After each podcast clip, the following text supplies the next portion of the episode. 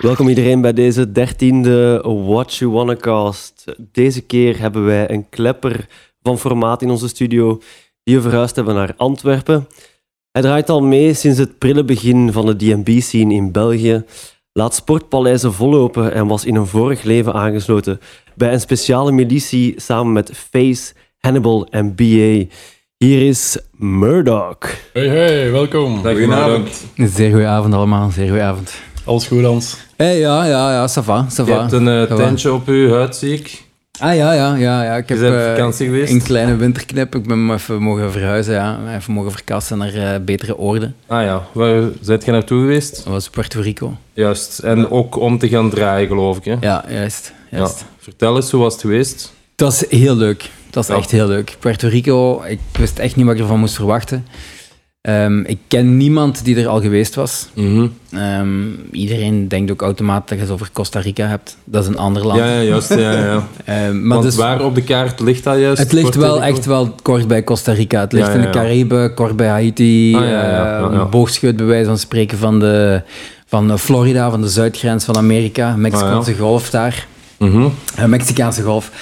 En eh, ja, heel tof land, heel bijzonder. Het is een territorium van Amerika. Eh, dus Ja. ze betalen met de dollar. Heel hard beïnvloed door Amerika. Voertaal, Mhm. voertaal is Engels, maar iedereen spreekt er eigenlijk Spaans. Ja, ja, ja. Alle bevolkingslagen leven daar door elkaar. Rijke mensen, arme mensen. Ja, super chill, super lieve mensen. ja. Op sleeptouw genomen naar jungles en verborgen stranden en clubs en ghetto's. En ja, echt te gek. Het was echt een ervaring. Ik heb het gevoel dat ik drie vakanties op een week Ah, gedaan ja, heb. ja, ja, ja. En waar moesten draaien of zo? Hoe heet dat? Wie, Ehm, outdoor, indoor? Het is een club en de club heet Taboe en het feest heet Reboot. En Reboot is een party van een kerel die daar eigenlijk basically de hele scene runt. Dat is Raoul. Mhm. En die zijn bedrijf heet Kebenga Lo Kebenga. Wauw. Je hebt veel onthouden op je reis, precies. Ik ben voorbereid. En dat betekent, wat komt, dat komt. Ah, ja. En dat was ook echt goed, want dat is echt de stijl zo. Het maakt niet uit. Ja, ja, ja. Wat, dat gebeurt, dat gebeurt. En je laat het gebeuren. Ehm, ik heb eh, op uw social media gezien, op Instagram, eh, over uw eh, reis naar Puerto Rico, dat je daar iets bij geschreven hebt van, het is eigenlijk dankzij drum and bass dat ik dat soort dingen mag doen. Heb jij het gevoel dat je veel aan drum and bass te danken hebt dan in je leven? Ja, 100% drum and bass en muziek in het algemeen. Mhm. Eh, ik ben daar 25 jaar aan toen. Ik ben 25 jaar professioneel bezig. Mhm. Ik verdien mijn kost. Ik, draag, ik moet geen kostuum dragen. Ik Ja. moet niet naar een baas luisteren. Ik Mhm. moet niet om een bepaald uur op mijn werk zijn of iemand geeft mij over mijn kloten. Allee, hoe goed kan het leven zijn, weet je? Ja, absoluut. ja. Dat verwacht eigenlijk als je 25 jaar geleden begon met draaien, dat je ooit op dit niveau ging komen, dat je eigenlijk er gewoon van kon leven, dat dat, dat echt je Ja, ik denk, zijn? ik denk dat dat voor ons allemaal geldt. Dat we allemaal zijn begonnen draaien op het moment dat dat zelfs geen optie was. Ja. De, de, mensen die nu beginnen draaien, die, die zien een Tomorrowland of die zien een EDC ja. Vegas, of die zien dat allemaal. Want dat bestond toen toch allemaal niet. Nee, nee. Ja, ik- nee. ik hoor- bass was ik- toen veel, veel meer underground. Ja, niet alleen drum and bass, maar alles gewoon. De hele danscultuur, dat was echt iets van, van kelders en krochten en obscure discotheken. En hier en daar was er iets semi-professioneel, gelijk de Fuse. Maar toen ik begon te draaien, als ik 18, 19, 20 jaar was, toen hoorde ik van heel ver zo dingen waaien over eh, festivals in Engeland. Mhm. Maar daar moesten al serieus naar gaan zoeken om daar ook nog maar een flyer van te vinden of een, een beetje informatie over te krijgen. Dus dat was zo ver van mijn bed dat draaien echt gewoon puur plezier was en, en jarenlang zo gebleven is. Voordat, ik denk dat eigenlijk zo Tomorrowland de grote gamechanger changer geweest is. Dat dat zo was van, oké, opeens is dat iets waar de alle ogen van de wereld op gevestigd zijn. Ja, ja. Waar dat mensen op gigantische podia staan, dikke fees krijgen, privévliegtuigen. Ja, ja. Dat kwam toen pas allemaal kijken, maar toen ik 20 jaar was, zelfs 25 jaar, was ik er echt geen flauw idee van. Ja. Dus sinds wanneer zit je er eigenlijk echt professioneel mee bezig? Want je je hebt al een heel lange carrière achter de rug. Maar dan in het begin eerst een hobby, eh, als ik het zo hoor. Ja, dat is, eh, dat is eerst was dat mijn hobby. Ik ben, ben, eh, ben eerst leerkracht geweest om mijn hobby te onderhouden eigenlijk. Zo zijn er veel. Wat? Engels en Nederlands. Engels? Ja. Ja. Ik ook trouwens. Ja, ja. Bij mij was dat omgekeerd. we kunnen hier straks, een, DJ om mijn leerkracht zijn eh, we kunnen hier straks een eh, leerkrachtenduel doen. Ja, volgende keer misschien. Ik ben niet voorbereid. Ik ga het ook verleerd zijn. Maar dat is wel... ehm, ik, vond dat, ik, had, ik voelde dat altijd als een, als een soort van subsidie. Ik moest les gaan geven en in ruil daarvoor betaalde de staat mij om mijn hobby uit te oefenen. Ja. Ja. Dus zo, zo voelde ik dat altijd wel aan. Ik gaf ook les in het volwassenenonderwijs. Ik gaf Nederlands voor anderstalige volwassenen. Jij ook? Kijk Ja, eens ik aan, ook, ik dat- ook. Ja. Ja, ja. Ja, dat is, heel, dat, is heel, dat is heel plezant. Ja, ja, ja, dat is echt absoluut, heel, heel ja, plezant. En ik heb dat gedaan totdat ik het echt, echt niet meer kon combineren. Ik was echt letterlijk, elke pauze dat ik had, was ik telefoons aan het plegen en mails aan het sturen. En, en dat was echt van, oké, ja, dit, dit gaat niet meer. Ik was, ik was soms aan het aftellen van, ah, ik moet dringend mensen terugbellen, want dit of Ja, dit moet geregeld worden. ja, En- ja. En dan heb ik dat opgegeven en dan ben ik fulltime DJ, ehm, ja, whatever, al de rest geworden. Mhm. En dan was ik denk ik 8, 29 of zo. Ja. Want je bent wel vrij snel ook eh, organizer geworden dan, denk ik. Eh, niet alleen DJ. eh maar Ja, ook ik ben, events ik, ben, ik ben echt feesten beginnen organiseren omdat ik vond dat ik nergens aan de bak kon komen met hetgeen dat ik wou draaien. Ja. Ja. Iedereen in België dat drum and bass deed, en zeker de mensen die feesten organiseren, die waren allemaal, op een, die waren allemaal met een ander soort drum and bass bezig. En eerlijk gezegd, ik had altijd het gevoel dat die altijd wat neerkeken op wat ik leuk vond. En, ik heb, en dat is nog altijd. Ik vind meer poppy, funky, drum and bass leuk. Maar dan moet er wat, dan moet er wat hip-hop, wat R&B en wat raga in zitten. En dat moet wat euforisch zijn en zo. Dat vind ik nice. En toen was het allemaal... Allee, in Leuven was het beenharde jungle en dan Amens all over the place. Ja, dat kennen we. Go one time. ja, ja, one time, riot squad. Allee, cool. Ik ging naar al die feesten en ik vond dat ook wel nice, maar dat was zo... Bij mij kwam het er zo niet spontaan uit als ik draaide, weet je. Dat was Ja, zo... Dat moest ik echt forceren om zo'n sets te spelen. Eh, in Gent was het allemaal ja, zo neuro en pre-neuro zo. Echt eh, donker en hard en weet je. En dat was ook cool. En dat had allemaal wel zo zijn vibe en zo, maar... ik Paste daar nooit, ik paste daar niet echt ergens in. Ehm, en in Antwerpen lag het ook nog zo wat redelijk ver open. Er was niet echt iemand in Antwerpen heel erg mee bezig. En ehm, dan ja, ben ik feesten beginnen geven in Antwerpen. En dan kon ik gewoon spelen wat ik wou. En mensen reageerden daar goed op. En eh de- het breidde uit, het breidde uit. En dat is, ook, de- dat is ook volgens mij de reden dat heel veel andere mensen op mij zijn gevallen. Dat ik door 5 voor 12 ben opgepikt. Dat ik door Doer ben opgepikt. Dat is echt al, de Studio Brussel ben opgepikt. Dat is eigenlijk allemaal uit die feesten gekomen. Ja. Want was dan, welke jaartallen spreken we zo een beetje, die eerste feesten? We zijn weer met jaartappetallen bezig. Ehm, 2005. Leerkracht Nederlands, niet wiskunde. Hè. Dus, eh, Ja, ik denk, denk rond 2000 eigenlijk. Ik 2000, denk eh, rond 2000 dat we begonnen zijn in het Kraakpand in Antwerpen. Kraakpand Scheldapen. Ah, ja. En hoe heette het Oh, event ja. toen? Ehm, Weet je al eerst, eerst was dat een combinatie van electro en drum and bass. En dat heette Dozer. Eerst had dat geen Ah, ja. naam en dan heette dat Dozer. En dan, omdat zo die electro guys, die werden zo meer en meer echt puur zang electro. En die hadden zoiets van, ah, die drum and bass ertussen. Dat begint zo wat te wringen. Ja. En ondertussen was het publiek zo wat aan het wachten heel de avond tot een drum and bass ging beginnen. Ja, ja. Dus ik had zoiets van, oké, ik, zal gewoon zelf feesten apart doen. En dat heette Drum and Bass Bash. Oké, ik Mhm. ken het niet, maar... Ja, dat is ook echt... eh, dat was echt letterlijk... Ik ging naar de kopiezaak en ik printte duizend flyers van zo groot als een visitekaartje. Ja, ja, ja, ja. En daarmee was er duizend man op het feest. Oh, dat, was, cool. dat, was zo, dat was echt zo. Want de eerste we keer, als ik, eh, eerste keer als ik uw naam zag staan op een affiche, eh, dan stond er inderdaad tussen haakjes eh, dus Murdoch en dan Dozer. En dat was in de loft in Vilvoorde. Ik weet niet of dat je je dat herinnert. Van Unrest. Van Unrest, dat was het. Ja, En musical, JB van Back to Basics, die moest daar headlinen. Ja, En ik geloof Brad Pitt of zo, die speelde ook nog. ja. Ja, dat was ook super nice. Wat? Brad Pitt? Nee, Brad Pitt niet. Nee, ik kon niet. Brad Pitt, ja. van Brussel.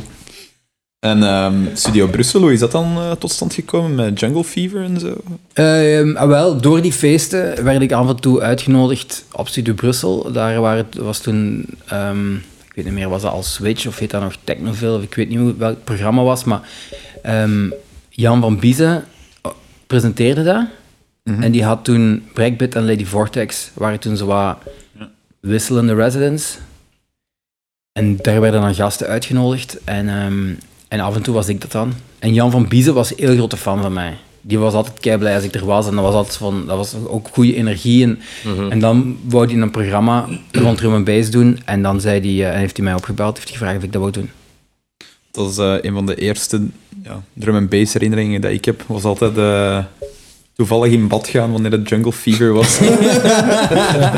Ehm, ja, maar ik, ik weet nog 100% zeker dat ik daar Skyline VIP van Blame eh, de, Oeh, classic. de revue heb horen passeren. Oeh, classic. Zo classic. Heel mijn bad eh, aan het schodderen. Dus. Waar waar je toen aan het klaarmaken om weg te gaan of zo? Van de... I don't know. Dat nee, was dat was, dat was door de week, dacht ik. Hè? Maandag? Was dat niet op maandagavond? Of zo? Ja. Het, is, het, heeft op, het heeft op verschillende dagen niet Hoe dan ook, the memories are there. Mm. Dat Nice. nooit verwacht, denk ik, dat mensen aan het luisteren waren vanuit eh, hun bad gewoon. In hun blote trouwens.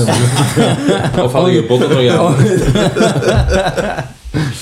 What you wanna cost? Oké, maar even, als we nu even de kaart van België erbij nemen. Je hebt in verschillende regio's feesten gedaan. Eh, het eerste dat ik mij herinner bewust, dat was Breakdown in Hasselt. Hoe is dat ontstaan daar? Dat was met Ed en Kim een samenwerking, Yes, ook, ja, geloof ik. ja, ja. Ehm, dat is door Ed en Kim ontstaan. Hè. Ik, heb een, ik, ik heb op de VUB gezeten met Ed en Kim. Ah ja, juist. Ik ja. ben beginnen draaien, onder, voornamelijk door Edwin. Mhm. Ehm, dit, is, dit is het verhaal van hoe dat ik DJ ben geworden. Edwin was de huis-DJ van de vuifzaal van de, van, van eh, de VUB, Ja. de BSG-zaal. Ah ja, ja, Ook later legendarisch geworden voor allerlei technofeesten en ook Mhm. drum en bassfeesten. Een geweldig coole underground bunker, maar ook wel echt een deftige soundsystem. En Edwin draaide daar op elke TD en die speelde alles dat er bestond. Die speelde echt elke mogelijke muziek. Als mensen erop ook maar mogelijkwijs op zouden dansen, dan speelde Edwin Ah, ja, ja, ja? Dus die had bakken en bakken vol met cd's en ook uiteraard vinyl. En dat was een heel grote liefhebber van Detroit techno, Britse house, ehm, breakbeats, Mowax, al dat soort dingen. Ja, ja. Maar één ding, die kon absoluut niet mixen. die, kon echt, die kon echt niet mixen. Nu, die speelde fuifmuziek, zoals dat gespeeld werd in de jaren 90. Gelukkig een café-dj. Eén ja. nummer fade-out, ander nummer Ja, fade-in. juist, En dat ja, maakte ja. ook niet uit. Ja, ja. Dat was, eh, die nummers begonnen met twee, twee gitaarakkoorden en dan was dat vol een bak. En Ja, ja, ja. weet je, iedereen feest. Maar dan wou, die wou ook altijd een uur, zeker aan het einde van het feest, wou die altijd zo'n uur techno spelen. En je had dan nieuwe platen gekocht en wou het dan spelen. Maar dat trainwreckte dat dat geen naam had. De sync-button bestond nog niet toen. Nee, nee, nee, die was nog heel, heel ver af. En eh, ja, ik ging naar heel veel van die feesten, omdat ik op de VB zat. Ik zat ook op de campus van de VB, dus de BSG-zaal was echt gewoon vijf minuten wandelen voor mij. Dus ik ging, Edwin was daar, eh, ik kon, kon er gratis binnen, omdat Edwin de maat was van mij. Ik kon er gratis drinken, omdat Edwin de maat was van mij. Dus ja, twee betere excuses kun je niet verzinnen als je, als je, als je net op de unief zit. En dan heeft hij, is hij aan mij beginnen vragen of dat ik zijn platen niet aan één wou, mixen. Dus dan was dat zo om vier uur s'nachts, kwam op techno-uurtje, en dan gaf hij mij platen en dan mixte, die, mixte ik die aan elkaar. Ja. En hoe, hoe, hoe is dat dan? Hoe heb je dat geleerd? Is dat gewoon, ja, had je in je kot iets steken om te, te oefenen of zo? Of is dat gewoon echt on the spot? Eigenlijk is dat voornamelijk on the spot daar ontstaan. Ja. Ah, ja. Ja. Ik, had, ik, had, ehm, ik had ene platenspeler op dat moment. En ik kwam heel af en toe bij vrienden die er twee hadden. En dan kon ik dat, daar wat doen. Maar ik denk dat ik dat van de eerste keer kon. Gewoon, Ja. gewoon beatmatchen. Met beatmatchen. Dat was echt gewoon zo, ah ja, ah, zo gaat dat. Ah ja, oké, Ja. zo gaat dat. Ja. En Edwin, die snapte dat niet. En die zo, ja, kom aan, zit jij? Mind blown. ja. ja. Ja, je moet dat zo, je moet dat zo horen ineens. Hè. Die, die, ik heb daar wel twee maanden over gedaan, denk ik. Dat je zo echt het verschil hoort tussen wat dat je in je koptelefoon aan het horen bent, wat dat eigenlijk door de boxen aan het gaan is. En eens dat je het hoort, heb je het. Dat heb ik zoals met de fiets leren rijden, denk ik. Of een ollie doen met skateboard. Ja, maar dat is echt dat is een goede vergelijking. Ik heb twee dochters en de een heeft daar maanden over gedaan om te Ja. leren fietsen en de ander heeft die fiets gepakt, is er weg, opgestapt en die was weg. Ja. Ja, Dat is met draaien ook zo. Ja. Maar goed, allee. Goed voor u dat je het zo rap kon. Ja. ja, nee, dat was, dat was kei tof, omdat ja, opeens zijn out of the blue en aan het mixen en dat, Ja, je weet dat ook als je... Hoe, hoe of je voel nu- je dat dan? Zo, Ja, wel, dat wil ik je aan het zeggen. Of je nu voor 10.000 man staat of voor voor 20 man, een goede mix is een goede mix. En dat voelt gewoon goed, weet je. Dus dat was, dat was super tof, hè. Dat was super tof. En daaruit is dan Breakdown ontstaan eigenlijk? Of, eh, Ehm, Edwin of Kim, een van de twee, hadden goed contact met iemand in de muziekeldroom en die wouden, die wouden meer volk naar hun keet trekken en dat lukte hun zelf niet, want dat was Ja. echt puur rock op dat moment. mhm. Ehm, je had wel zo deadcop-feesten op dat moment daar, Ja, ja, ja, maar ja. Dat, was dan, dat was dan zodanig left of center dat dat ook zo voor dat publiek Ja, bleef. ja, ja. Niche genre. Ja, iets te, iets te niche om dat helemaal open te trekken Ja, voor ja, muziekeldroom. En dan zijn ze Ed en Kim gaan aanspreken. En ja, die is iets van, hey Hans, willen we dat niet samen doen? Want dan kun jij drum en bass doen. En Ja. hup, zijn er aan begonnen. Dat was instant uitverkocht. eh. En wie is daar allemaal gepasseerd qua internationale DJ's? Ehm, drum en bass. Ja. De eerste was Spirit, Ah ja. RIP. Eh, de allereerste editie was met Spirit. Dat was volgens mij ook de enige drum en bass headliner van die, van die avond. En dan later eh, Friction, Total Science, ehm, eh, Digital, TC, Hm. Shy FX, denk ik.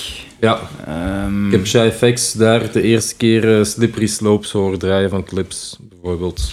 Is Clips er ook niet geweest? Dat zou kunnen, dat weet ik niet. Want Breakdown, over welk tijdperk spreken? Want ik, ik heb Breakdown ook nog wel meegemaakt, maar 2005-ish Ah, ja. is het begonnen, Ja, zoiets, denk denk ik. Of vroeger of later, ik weet het niet. Ik weet het eigenlijk ook niet. Hoe lang heeft dat geduurd? Jaren 5, 6, 7, Mhm. 8, Ja, 9? Zoiets, ja. Voor mij was het altijd zo'n beetje het begin van de wat commerciëlere, grote drum and bass vuiven in, in België. Zo. Allee, ik had toch dat gevoel, Ja, de minder underground. of zo. Eh, allee, een paar jaar later had je dan in Leuven Radar gestart en dan niet veel later Rampage eh, de eerste keer in... eh, was dat toen al Trix of was het toen zelfs nog Hofterlo? Ik niet. tricks, ja. Ja. Ehm, van waar kwam dat idee om allee, in, ieder, in iedere grote stad eigenlijk... Ah, maar dat is nooit het idee geweest. Hè. Ik denk dat dat ook gewoon allemaal een beetje toevallig is gebeurd. Ik, eh, ik weet niet meer hoe dat ik in de silo ben terechtgekomen, maar ik weet dat ik goed overeenkwam met die toon. ah, ja. Ja. Die, dat, dat, ja, die, heeft, die, die, die had dat toen overgepakt van ik weet niet wie. Ehm, Van Anthony. ja, dat ben, ik- ben ik nooit. En, en dan hebben we die feesten daar gedaan, maar ik neem aan eigenlijk, dat is radar. Want daarvoor was er Rumble, hè? In Ja, de silo. van Ja. Time. En Ah, ja. zat jij daar ik zat er ook bij. ja, en ja, Woodrow zat er ook bij. Ja, ja, ja, Ja. juist. Ja, ja, ja. Ik denk eigenlijk dat Woodrow daar de trekkende kracht van was, van Rumble. Ah, ja, ik denk dat dat eigenlijk van bij Woodrow kwam, ik weet het niet meer zeker. En ik, misschien dat ik daar contact heb gekregen met Toon, of dat dat Toon daardoor bij mij terechtgekomen is, dat weet ik niet meer. Ja, ja, ja. Maar dat ik, denk dat dat, ik denk dat dat zo gegaan is. En, Mhm. en de kerel die dat muzikaal directeur was van de Muziekodroom, die is dat jaar verhuisd naar Trix. Ah ja, ja. En die heeft eigenlijk basically zijn adressenboek beginnen afbellen. En ik was een van die mensen. Ik woonde toen om de hoek van Trix. Ah ja. Dus dat was al direct zo van... Hé hey Hans, eh, ik zit nu in Trix. Ik zo, oh, ik serieus? Ik ja, ik woon er om de hoek. Ah, kom dan anders even af. Ik ben met een fiets gesprongen en naartoe gereden. Ah, ja, ja, en een kwartier ja. later was het beklonken, bij wijze van Ah, ja. spreken. Zo Ja. snel kan het gaan. Dus Zo snel kan het gaan, ja. En die Ja. eerste editie was ook wel echt legendarisch. Want van dat Radar? was, eh, ik, ik heb het nu wel specifiek over Radar. Ja, want dat was Jason Status? even een jaar dat er zo niks was of iets minder. En dan ineens bam, Jason Status, Brooks Brothers. Ja. Ik heb wel een Crooked, Netsky, heeft er een paar keer gedaan. Dat is zot wat namen dat je toen kon boeken. Ja. hè. Dat is echt, Ja. echt insane. Jason Status en Brooks Brothers op één avond. Als ik me niet vergis, stond zelfs teaser daar op de line-up in de silo. Zelfs teaser. Manneke. Ik denk dat we daar allemaal wel Dank je daarvoor hebben. thuis. Ja, dat denk ik wel, ja. Dat denk ik wel. Dat is ook wel iets wat dat u... Allee, dat is nu misschien iets persoonlijk, maar dat- wat u wel siert, vind ik, dat is... Je hebt eh, enorme carrière afgelegd. Ehm, je hebt eh, ja, heel veel hoogtes, je kent waarschijnlijk ook laagtes. Maar op een of andere manier komt het toch altijd wel eh, bij de mensen die, ja, die dat er vlakbij die stad Leuven, dat je die niet vergeet. Hè? Zoals een radar bijvoorbeeld. Eh, je hebt iedereen van Leuven daar geboekt. Ehm, je, je hebt altijd wel zo een soort eh, link, vind ik, blijven behouden met, met eh, de grotere drum and bass scene. Je laat u niet vangen door tien UK'ers te boeken en geen enkele Belg op een avond. Ja, ja, ja. Ehm, Ja, daar zit natuurlijk ook wel een commercieel idee achter. Maar het is wel, het is wel ook, en dat is een beetje hoe, dat ik, drum, hoe dat ik drum and bass speel. En waarom? Ik zei daar straks dat hetgeen dat ik speel als drum and bass DJ, dat ik daar niet echt ergens mee terecht kon, omdat Mhm. overal één bepaald ding gedaan werd. En ja, ik vind het net leuk als er heel veel verschillende dingen gedaan worden. Ook binnen mijn DJ-set, maar ook binnen één avond. Dus Mhm. vind ik dat ook altijd wel heel vers, fresh aanvoelen. Als er heel veel verschillende mensen hun ding komen doen. Want hoe, hoe begint je daar eigenlijk aan om zo'n line-up samen te stellen? Allee, ik spreek nu nog even niet over de grote rampages, maar vroeger zo, Breakdown en, en, en Radar en, en, en zo. Heb jij een lijstje van drum and bass DJ's dat je afgaat, of ken jij iedereen uit zijn hoofd? eh? Ik heb gewoon een wishlist, hè.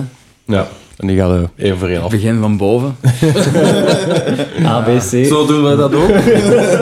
Nee, maar ik bedoel dan de, Bel- de Belgische namen vooral bedoel ik. Hè, zo Voor de Belgische ja, namen. de Belgische namen bedoel ik. Ja, ik- ja ik, ik, ik let gewoon een hele tijd op wie dat er toffe dingen en aan het doen is, wie dat er goed bezig is, wie dat er enthousiast is, wie dat... Ja. Ja, daar let ik wel. Ik let er wel op. Ik let er nog altijd op. Ja, dat merken we. En hoe groot is zo het, het percentage van dit is volledig mijn eigen goesting dat ik wil boeken? Of, en daarentegen, wat is het percentage van dat gaat commercieel aanslaan? Ehm, dat kan ik echt heel moeilijk zeggen. Dat Hm. loopt eigenlijk een beetje door elkaar. Weet je, het is ook zo... Ehm, bijvoorbeeld Mackie G. Hè? Ja. Die speelt nu, speelt nu op Rampage. Ehm, ik speel bijna nooit een plaat van Mackie G in mijn set. Ah ja, ja. Bijna nooit. Laat staan dat ik dat thuis opzet. Maar als ik nu een paar pinten gedronken heb en Mackie G is aan het draaien, dan Ja, vind ik dat heel plezant. Ah ja, ja. Dus ja, ik, ik, boek hem, ik boek hem in de eerste... Ik heb hem... Full disclosure, ik heb hem deze keer geboekt omdat hem zowel op Rampage Open Air vorig jaar als twee keer op Tomorrowland van, van de zomer een van de grootste publiekstrekkers was en Ah, waar het ook van de meeste ambiance was. Ja, het en werkt, het die guy speelt all over the place. Die cut van 175 bpm naar 130 bpm. En dan schiet hij terug weer uit naar iets anders. En als DJ sta ik daar niet heel hard van te kijken. Maar ja, het is gewoon, het is gewoon kei fun. ja, ja, ja. Ja, het werkt. Ehm, Mensen voilà. komen erop af, het is plezant. eh, Voilà. En het is een toffe gast. En zijn managers zijn toffe mensen. Ja. Dat is ook allemaal heel belangrijk. Veel, ja. Als, die, als, als, die, als je asshole managers hebt, dan boek ik u niet. Ja, ja, ja. Als je een asshole agent hebt, dan boek ik u niet. Ja, ja. kan me niet schelen wie dat, dat zijn. En je, kunt, je zou eigenlijk de affiches van Rampage erbij kunnen pakken en je kunt al nagaan wie dat, dat zijn. dat zijn de acts die al gezegd van, dat is raar dat die nog nooit op Rampage gespeeld Ah, ja, ja, ja. hebben. Dat zijn die mannen. Of degene die het vroeger wel spelen en nu en ineens nu niet niet meer. meer, ja. Ja, ja. Oproepen al die mensen. Veranderen van manager. Huiswerk voor de luisteraars. Ja, ja. What you wanna cost? Zeg, en ehm, ja, in, allee, rond diezelfde tijd als eh, het begin van Radar en eh, Rampage was er nog een ander fenomeen in België dat de kop opstak in Antwerpen. Eh, ja, 2008 ongeveer of zo, Boris Dane. Dat Quite a phenomenon. Ja. Ehm, allee, ik denk dat je toch ook wel kunt zeggen dat jij daar eh at the forefront waart voor ja, die zijn carrière te lanceren eigenlijk. Eh, hoe is dat? Allee, hoe heeft dat eigenlijk vorm gekregen? Eh, ja, die heeft een keer aan mijn DJ-boot gestaan met een cd hè. Zo ging dat, hè. Dat is echt zo, hè. Dus die stond in het petrol en die had een cd. En had er zo nog zo'n Justin Bieber-koep, zo. hè. Ja, juist. Ja, ja, Dus die ja. stond daar zo... Zijn bles. Dus die stond er om vijf uur 's ochtends zo van, ah, ik heb een cd kan was een keiverlegen jongen vroeger. Hè. Ja, ja, ja. Ehm, en eh, ja, pff, zo, ah, merci, ik heb dat weggestoken en ik heb er dan een dag daarna naar geluisterd. Dat was echt zo, what Ja, the fuck? Dat waren gewoon tunes Dat dan. kan niet gewoon, dat kan niet gewoon. Ik echt iets van, hè, was dat van die gast zo? Mhm. En dan, ik denk dat die zijn nummer erop stond, of, of was dat toen al e-mail, of was dat toen misschien AOL of ICQ of zo, ik weet het niet meer. Zijn e-mailadres was toen spacekip.hotmail.com. dat weet ik nog altijd. Dat is niet waar. Echt Jawel, waar, ja, ja, ja. Ik denk dat ik ooit ook zo'n cd gekregen heb. Zo. Nee, maar Ah, dat, was, dat was wel echt eh, ja, zo overnight... Allee, zo goed als overnight succes. Ik weet eh, dat Skypus, denk ik, ooit in Stelbommers eh, Lost in This World had gespeeld. Dan werd jij, denk ik, bij de eerste die dat ook net Sky Tune spelen. En next thing you know, eh, releases op Liquid Ganja van, eh, van Hype en Ja. dan Hospital. Ja. Dus ja, dat was wel...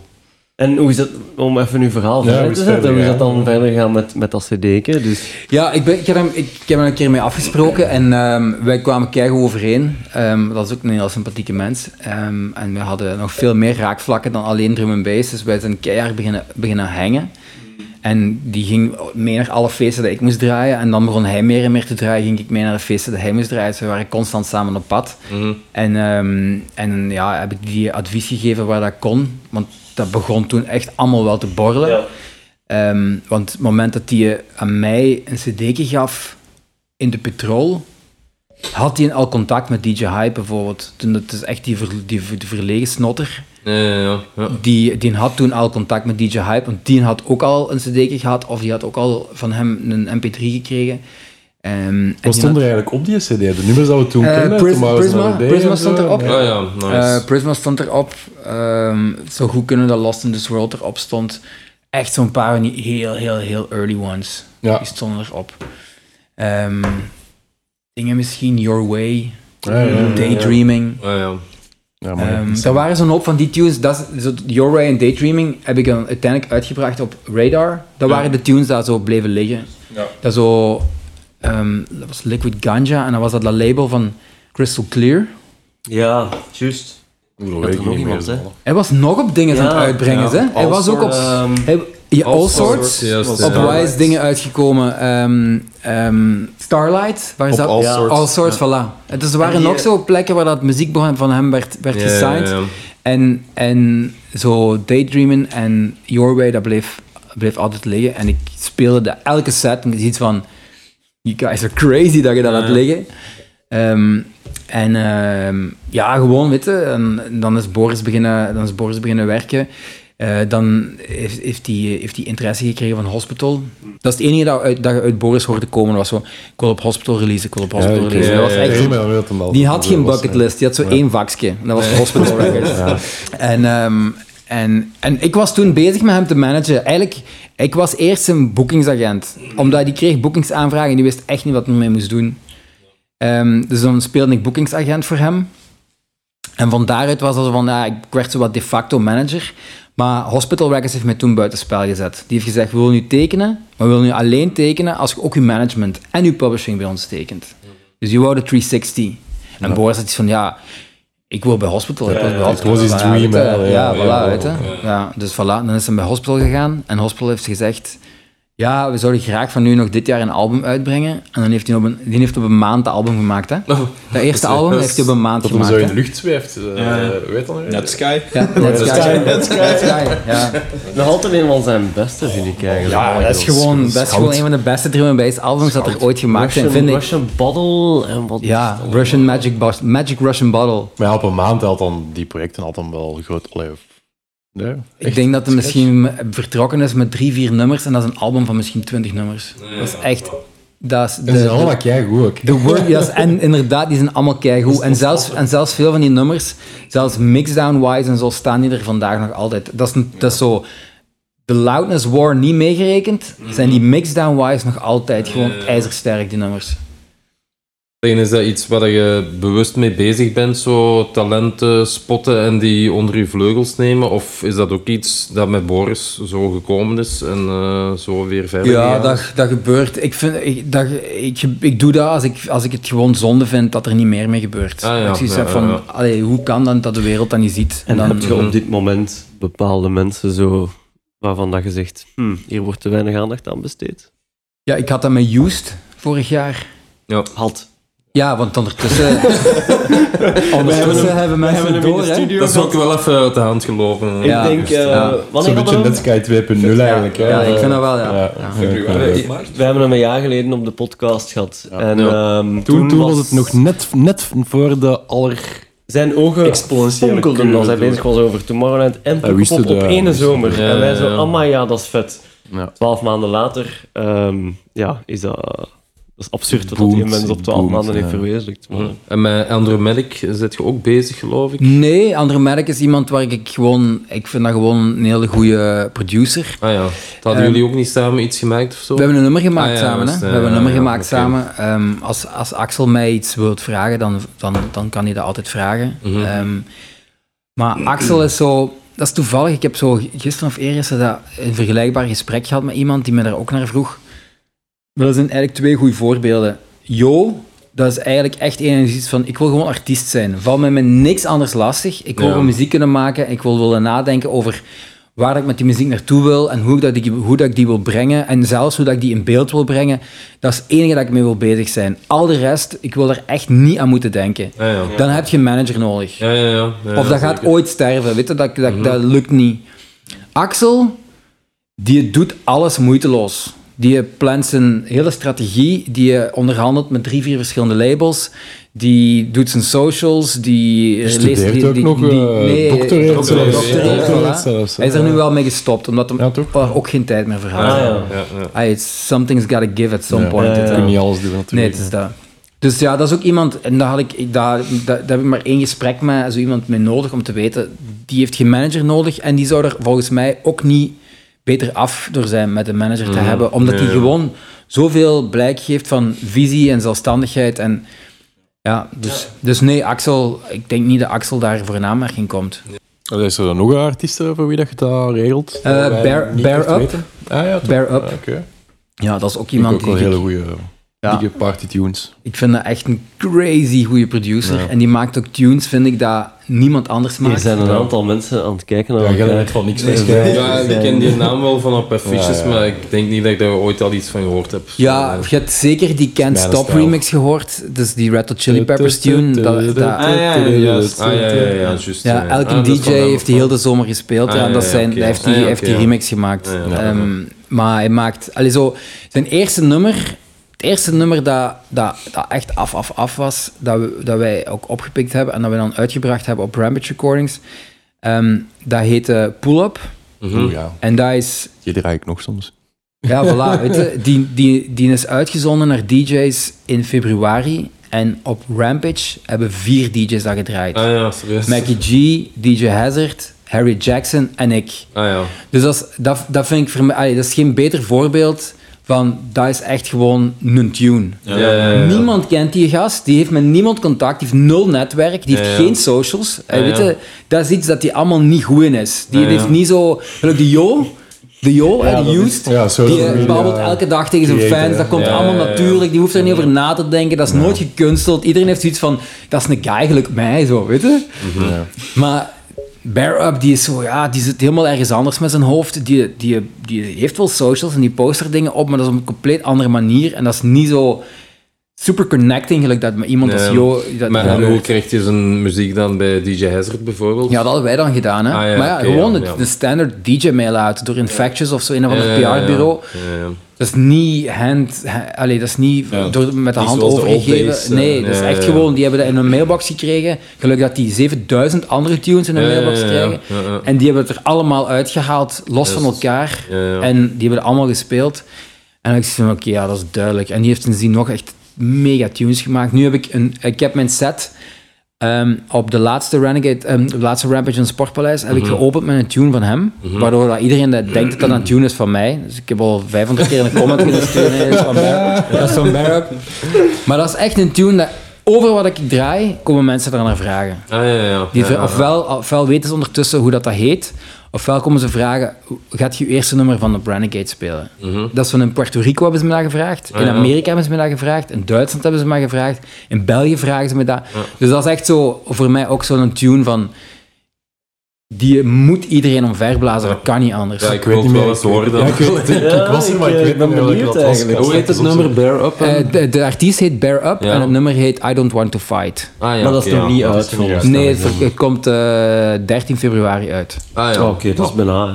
Dan is Op, deze podcast eh, al dan. ja, op Rampage, ja. Oké, voilà. Tegenwoordig zal deze podcast online staan waarschijnlijk, dus allemaal kopen. Ja, het gaat ook zijn UKF-debuut zijn, dus UKF heeft het ondertussen ook door. En dus de dag daarna komt de B-kant, eh, wordt geüpload door Skank and Bass. Dus die is de, ja, zijn ja. ook stilaan stilaan Ja. on board.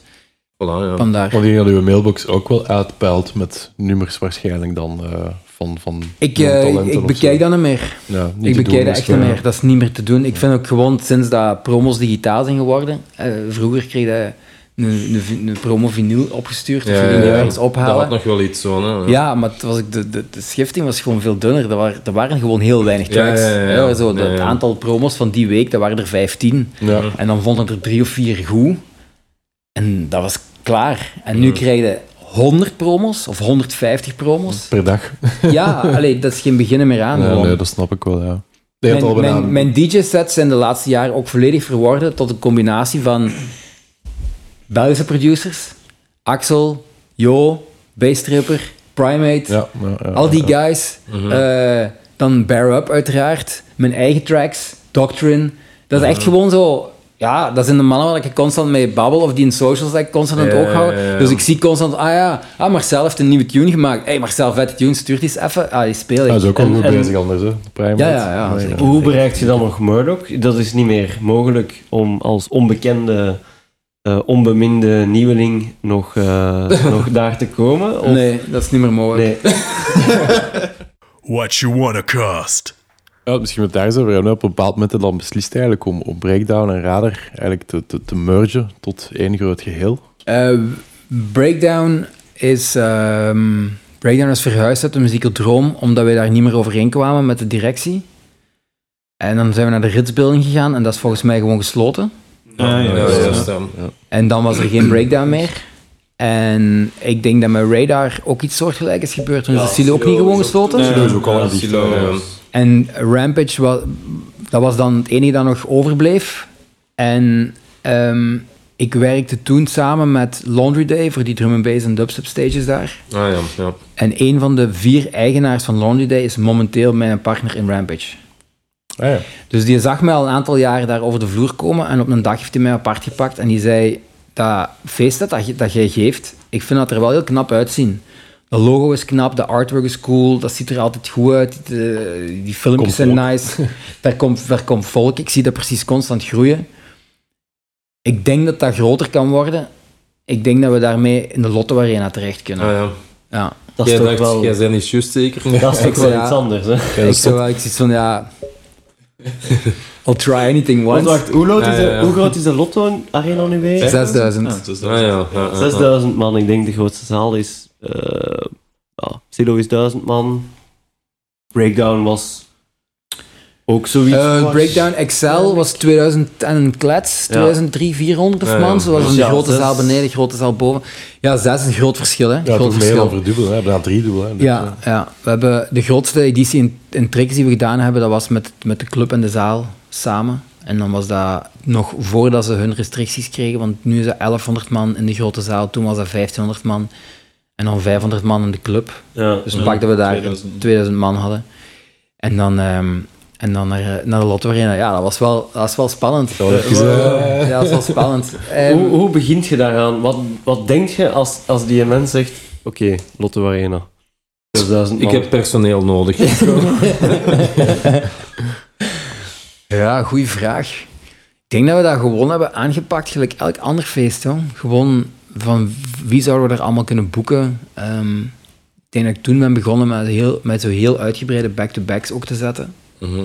Om gewoon die line-up keihard te stacken. Ehm, en dan gewoon zo alles bijeen plaatsen dat zo iets zou kunnen bougeren en dan een bepaalde fanbase zou aantrekken. En ehm allee, niet vergeten, we zaten toen echt wel zo op die wave van Netsky was happening, Dubstep Ja, was ja, happening. Dat was Ja, ja. allemaal zo, dat zat in de hitparade, DJ Fresh, dat was allemaal zo... Ja, dat was all over the place. Dat kwam op TMF, dat kwam op Gym TV, dat was gewoon dat was everywhere gewoon, weet je. Ja, ja. TMF. Ja, dat is Flashback. TV. Frank Molmer. Want Ja. alleen de Lotto Arena is toch ook ehm, productie? Eh, ik bedoel, dat- ik weet niet wat er in de Lotto Arena staat van podium. Nul, niks. Er Nee, Ja, niks. ja. Want dat moeten we dan ook allemaal Nee, beginnen dus, zelf. dus, hè, dus mijn, mijn, mijn co-organisator en co-owner ook van Rampage, want we zijn er toen 50-50 ingestapt. Ehm, tot dan was dat gewoon van mij, maar dan hebben we dat gewoon 50-50 gedaan. Heet hij ook niet Christophe trouwens? Die heet inderdaad Christophe, ja, Christophe Darcon.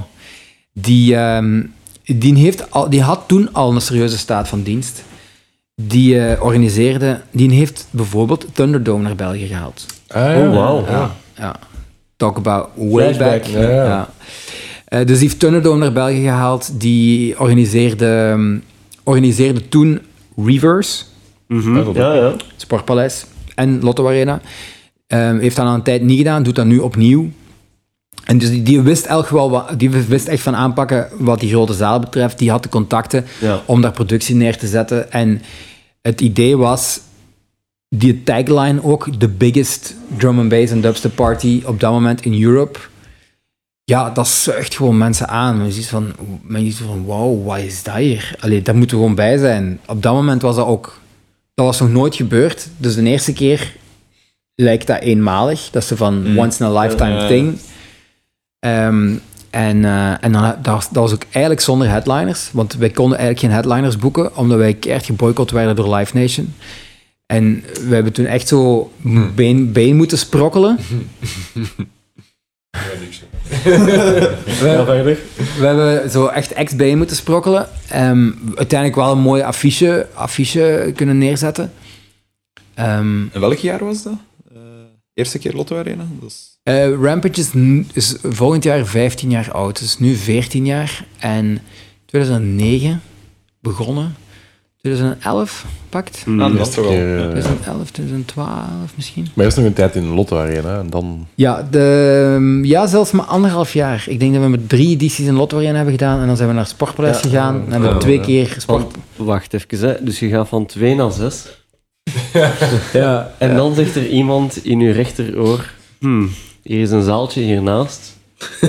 en daar kan 15.000 man binnen. ja, maar die, die van zes was stijf uitverkocht. Hè?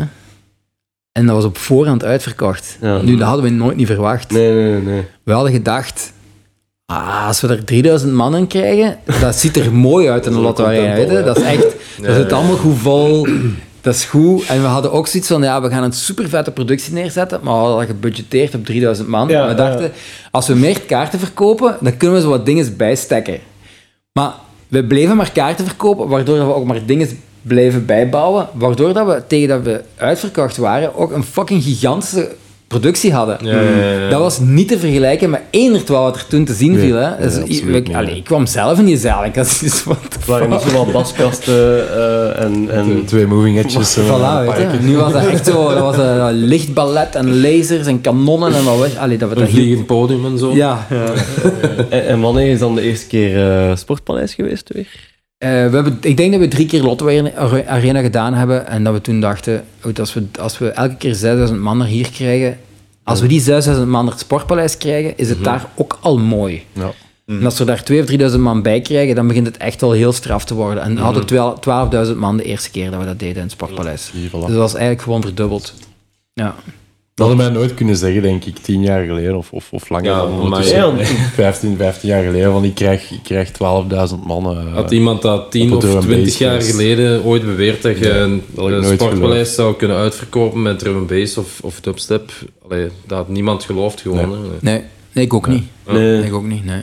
Zijn en kijk. allemaal al, al Nee, nee, maar dat is echt, dat is, dat is dus echt voor alle duidelijkheid, misschien niet volledig, maar toch voor een heel groot deel de verdiensten van Christophe Darcon. Die, die daar echt de ballen heeft en de visie, of de ballen had en de visie had. Hij heeft nog altijd ballen en visie, maar ik bedoel, hij had, hij had op dat moment uiteraard om te zeggen, dat kan. En we, gaan, we gaan die sprong wagen. En uiteindelijk is dat, uiteindelijk is dat ook, alles is een schaalvergroting. Je wilt in plaats van 2000 man 6000 man bereiken, dan moet je drie keer zoveel promo doen. Ja, ja.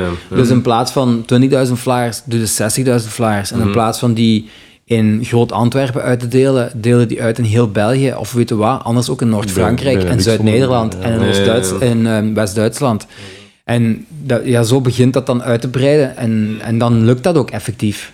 Want allee, Rampage is toch een serieuze machine geworden nu op dit moment ook. Hè? Hoeveel mensen werken er voor Rampage bijvoorbeeld? Ja, dat is grappig ehm, dat, je dat, dat je dat zegt, want als je me die vraag pak drie maanden geleden had gesteld, pak, laten we zeggen zes maanden geleden had gesteld, dan had ik gezegd, ik, Christophe, Tom, dat is Christophe zijn rechterhand, die daar ook voor Christophe zijn andere ondernemingen werkt, want die doet ook nog andere dingen. Dus eigenlijk drie, plus op dit moment is, is dat Ivana, die daar zo basically op dat moment zo alle kantoorwerk, administratief werk opvolgen en zo. Dus eigenlijk waren wij met vier om dat allemaal te doen. Al de rest Ehm, is outsourcing eigenlijk. En al de rest is outsourcing. Ehm, maar sindsdien heb ik iemand die mij bijstaat om de boekings te doen. En sinds heel kort hebben we ook iemand die daar de social media en al onze content voor rekening Ah, houdt. ja, dat was een Want dat zal ook wel een, je. een hoop werk zijn. Hè. Ja, dat is nachtmerrie, hoopwerk. Dat Dat deed jij dan of ja. iemand anders die al lange tijd. Echt? Serieus? Tot een maand geleden. dingen, Ja. Facebook, Oh. Echt. Ja, ja, dat is echt insane. Dat is Dag, echt en- dag en insane. nacht toch gewoon eigenlijk, bijna. hè. Ja, ja dat, was, dat was echt niet meer houdbaar. Dat is inderdaad, allee, dat is dag en nacht. Dat, dat kan dag en nacht zijn. Dat was, er zijn ook momenten dat ik zeg van oké, nu moet ik het gewoon even laten gaan, want dat is echt gewoon niet meer te trekken. Maar Ja. ehm, nu zijn we, nu zijn we met, met zes eigenlijk, want we hebben ook een stagiair sinds eh, deze maand. What you wanna cost? Zeg maar, eh, het is voor Rampage ook niet altijd roze geur en maanschijn geweest. Jij bent in het nieuws gekomen met, eh, ja, toen dat COVID eh, op bezoek kwam in ons land.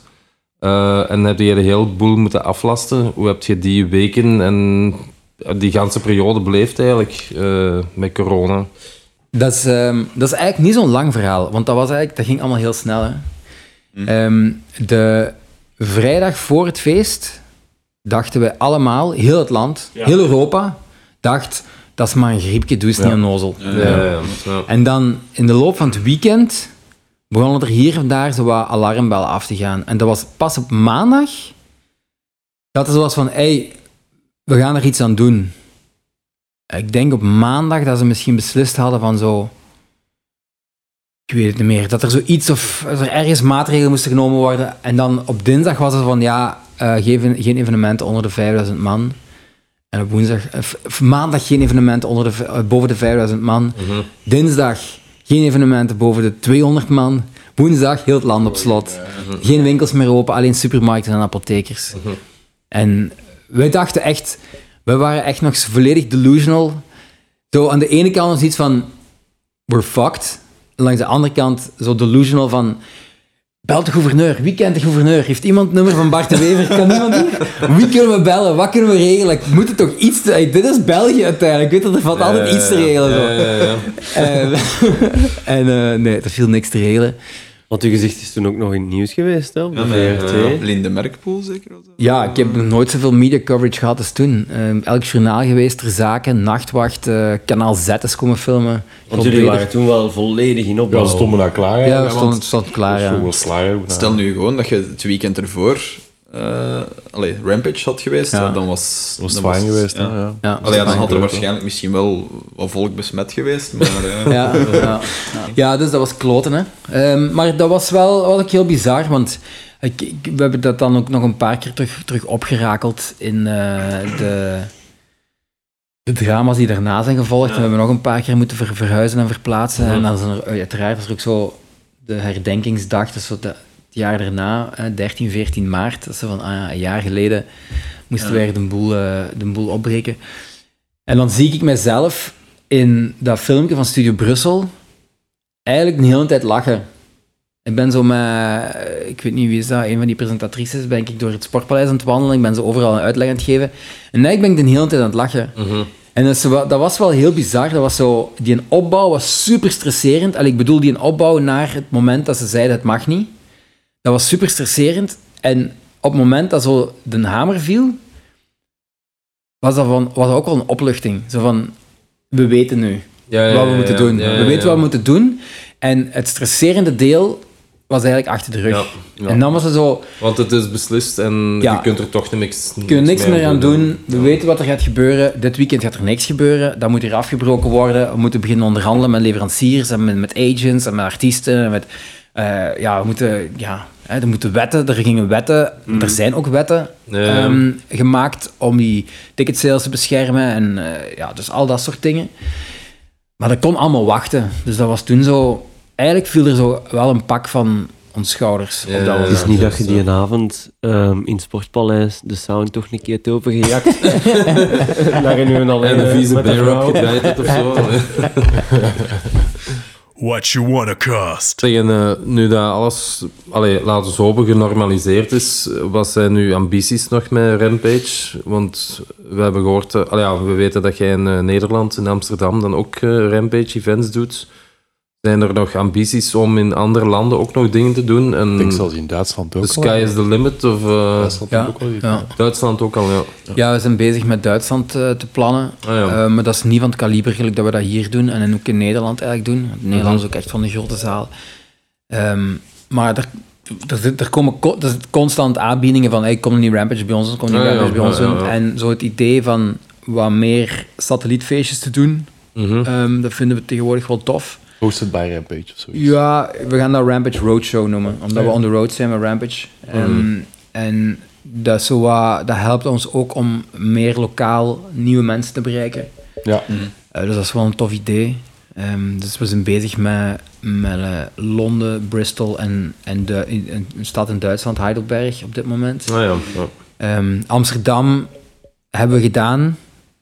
Of we dat opnieuw gaan doen, dat weten we nog niet, want heel veel hangt af van venue en datum. Op dit moment hebben we er nog geen. Allee, toch niet ene die ik wil doen.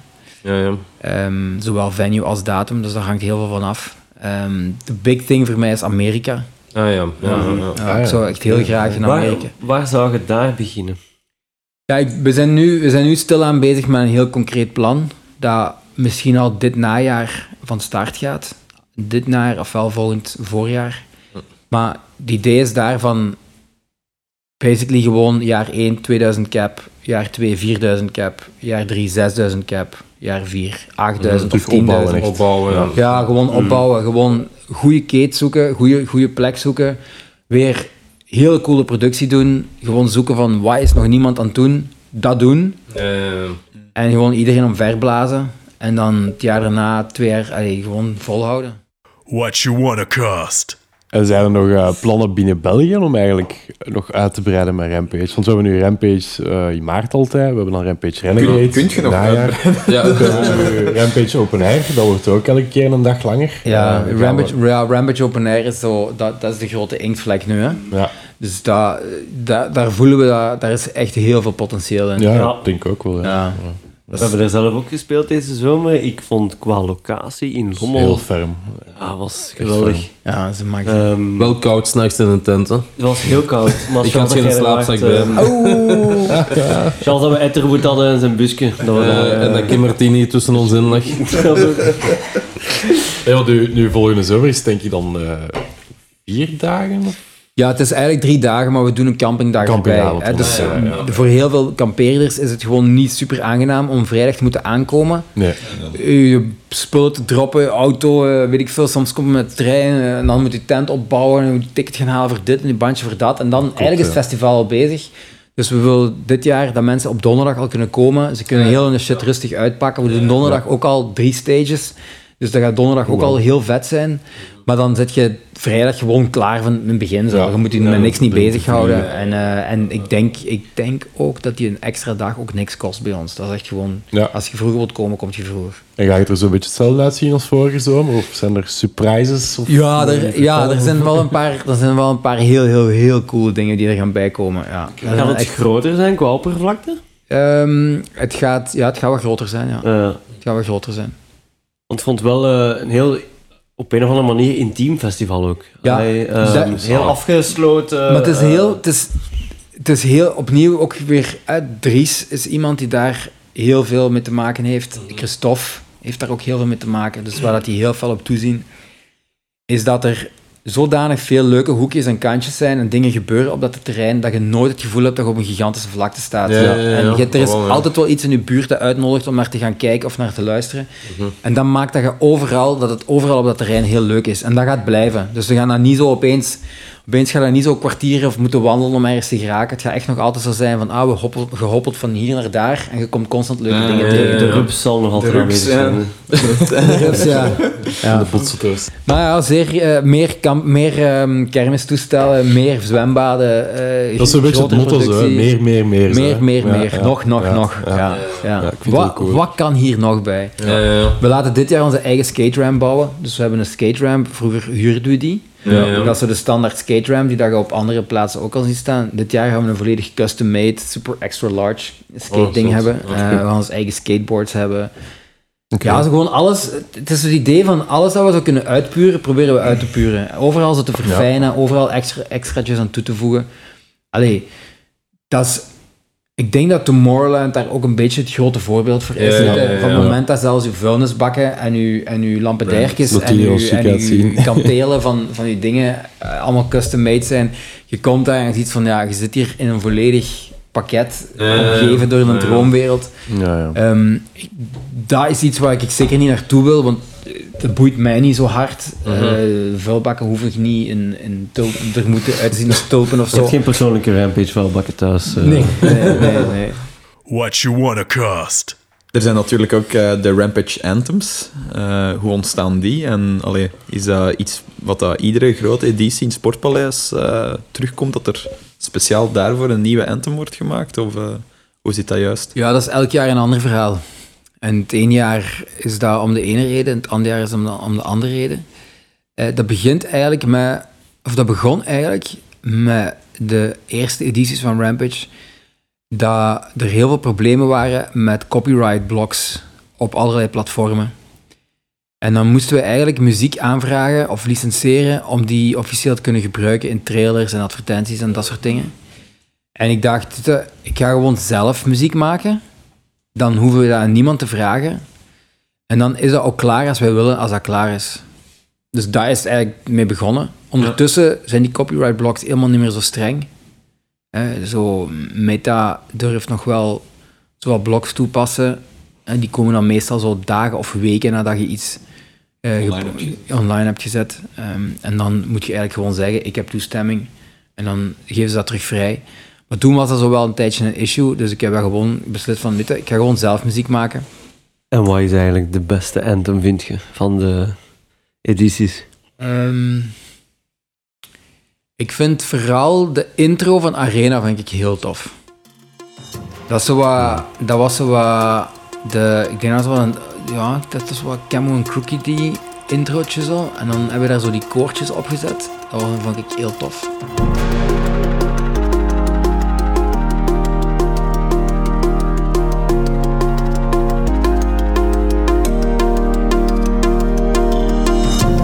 Een heel toffe opbouw en dan gaat dat zo naar, ehm, ja, dan gaat dat zo naar die riff, dat dan eigenlijk naar een drop gaat.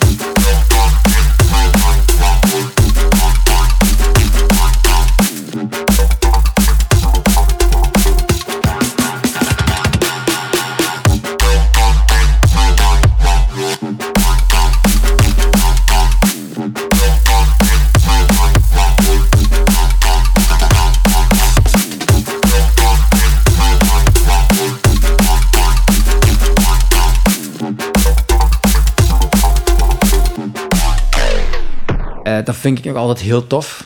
Um, maar ik vind de breakdown van On a Rampage vind ik dan ook wel echt super nice. Dat die zo met die, met die, met die, en dan is dat zo die sweep. En dan, uh, ja, ja, dat vind ik ook echt heel dope. Dat ja, daar is de VIP van gemaakt, al lang, zo, al ja. jaar geleden of zo. Ja, dus, ja dat, dat speel ik ook altijd nog altijd heel graag.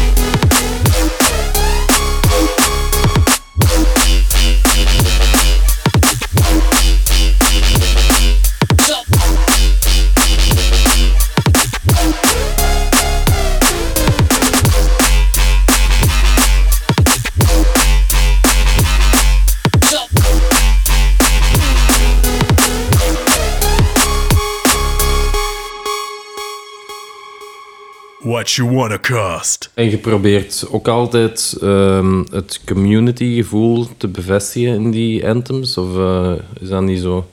Ik denk zo aan Rampage Soldiers. Ja, ja. Allee, ja, Ja.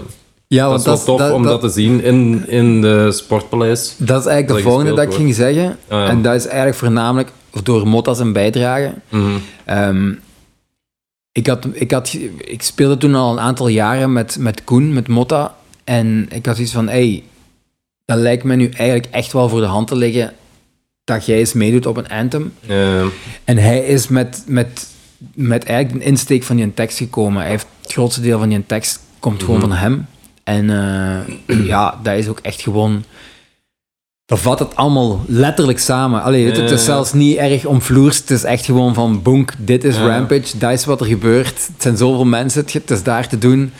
Ehm, eh, dus ja, dat is, dat, is, dat is ook wel ene die...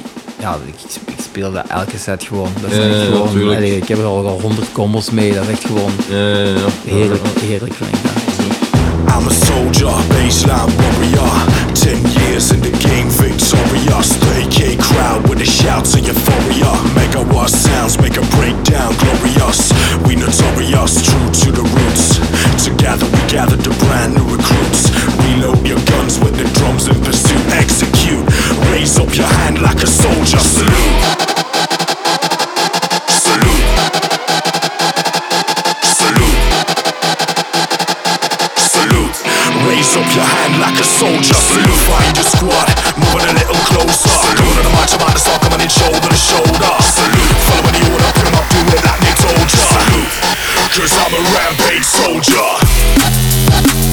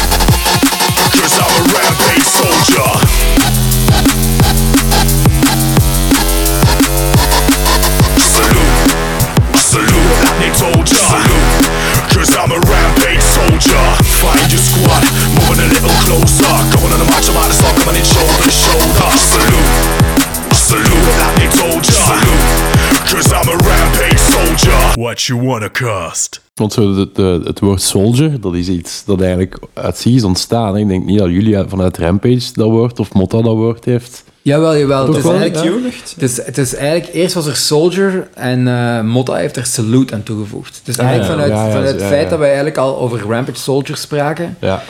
ehm, is, dat, is, dat, is, dat, is dat nummer, het refrein of het stopwoordje van het nummer is dan Salute geworden. Ehm, wat dat in hindsight eigenlijk ook de titel van het nummer had moeten zijn. Maar, ehm, Misschien ook de VIP ja, van maken. Ja, voilà, voilà. Ja, trouwens, Motta heeft een idee van een VIP, maar dat is er nooit van gekomen. Nou, ooit gaat er nog van komen. Ehm, dus ja, het, zo, zo, ja, zo heeft elk nummer een beetje zijn eigen reden en zijn eigen verhaal. En dat is ook wel heel leuk eraan. Ja. Ehm ja, Starter Rampage, mijn Modestep. Dat is zo, ik had, ge- ik had ik wou eigenlijk mijn Modestep een nummer maken. Ik had echt iets van, we moeten eens een moment komen, er moet eens een moment komen dat we dat platform van Rampage gebruiken om een anthem te maken die dat echt mega crossover klinkt. Ja, ja. En waar we vanuit Rampage eigenlijk gewoon de hitparades in kunnen. En gewoon Ja, ja, ja. De, de, de radio kunnen attackeren. Gewoon, we maken een super catchy, super euforische tune. Mhm. En dan beginnen we eraan. En was het resultaat zo'n beenharde goudroge. dat is eigenlijk wel waar. Soms hadden dat echt gewoon niet in de hand. Ja, dat ze van, ah, dit klinkt wel leuk. Je wat, als we het dat doen? Ah, wat doe dat er eens bij? Ja, ah, we ja, geven ja. dat. Wacht, ik doe dat. En op het einde is het zo, ja, een fucking metal punk jump-up crossover geworden. En, dan, en dan heeft daar... eh, dan heeft eh, George daar zo'n vocal opgezet die ook zo 100% Rampage Rampage is zo. Have you bought your ticket? You'd be fucked to miss it. Time is ticking down, don't be tripping. Murder brings the rhythms while you'll be dancing with him. Lights are dropping down from the ceiling. When I get there, I'm gonna. When you lot get there, you better. We're the masters of this new wave, kings of the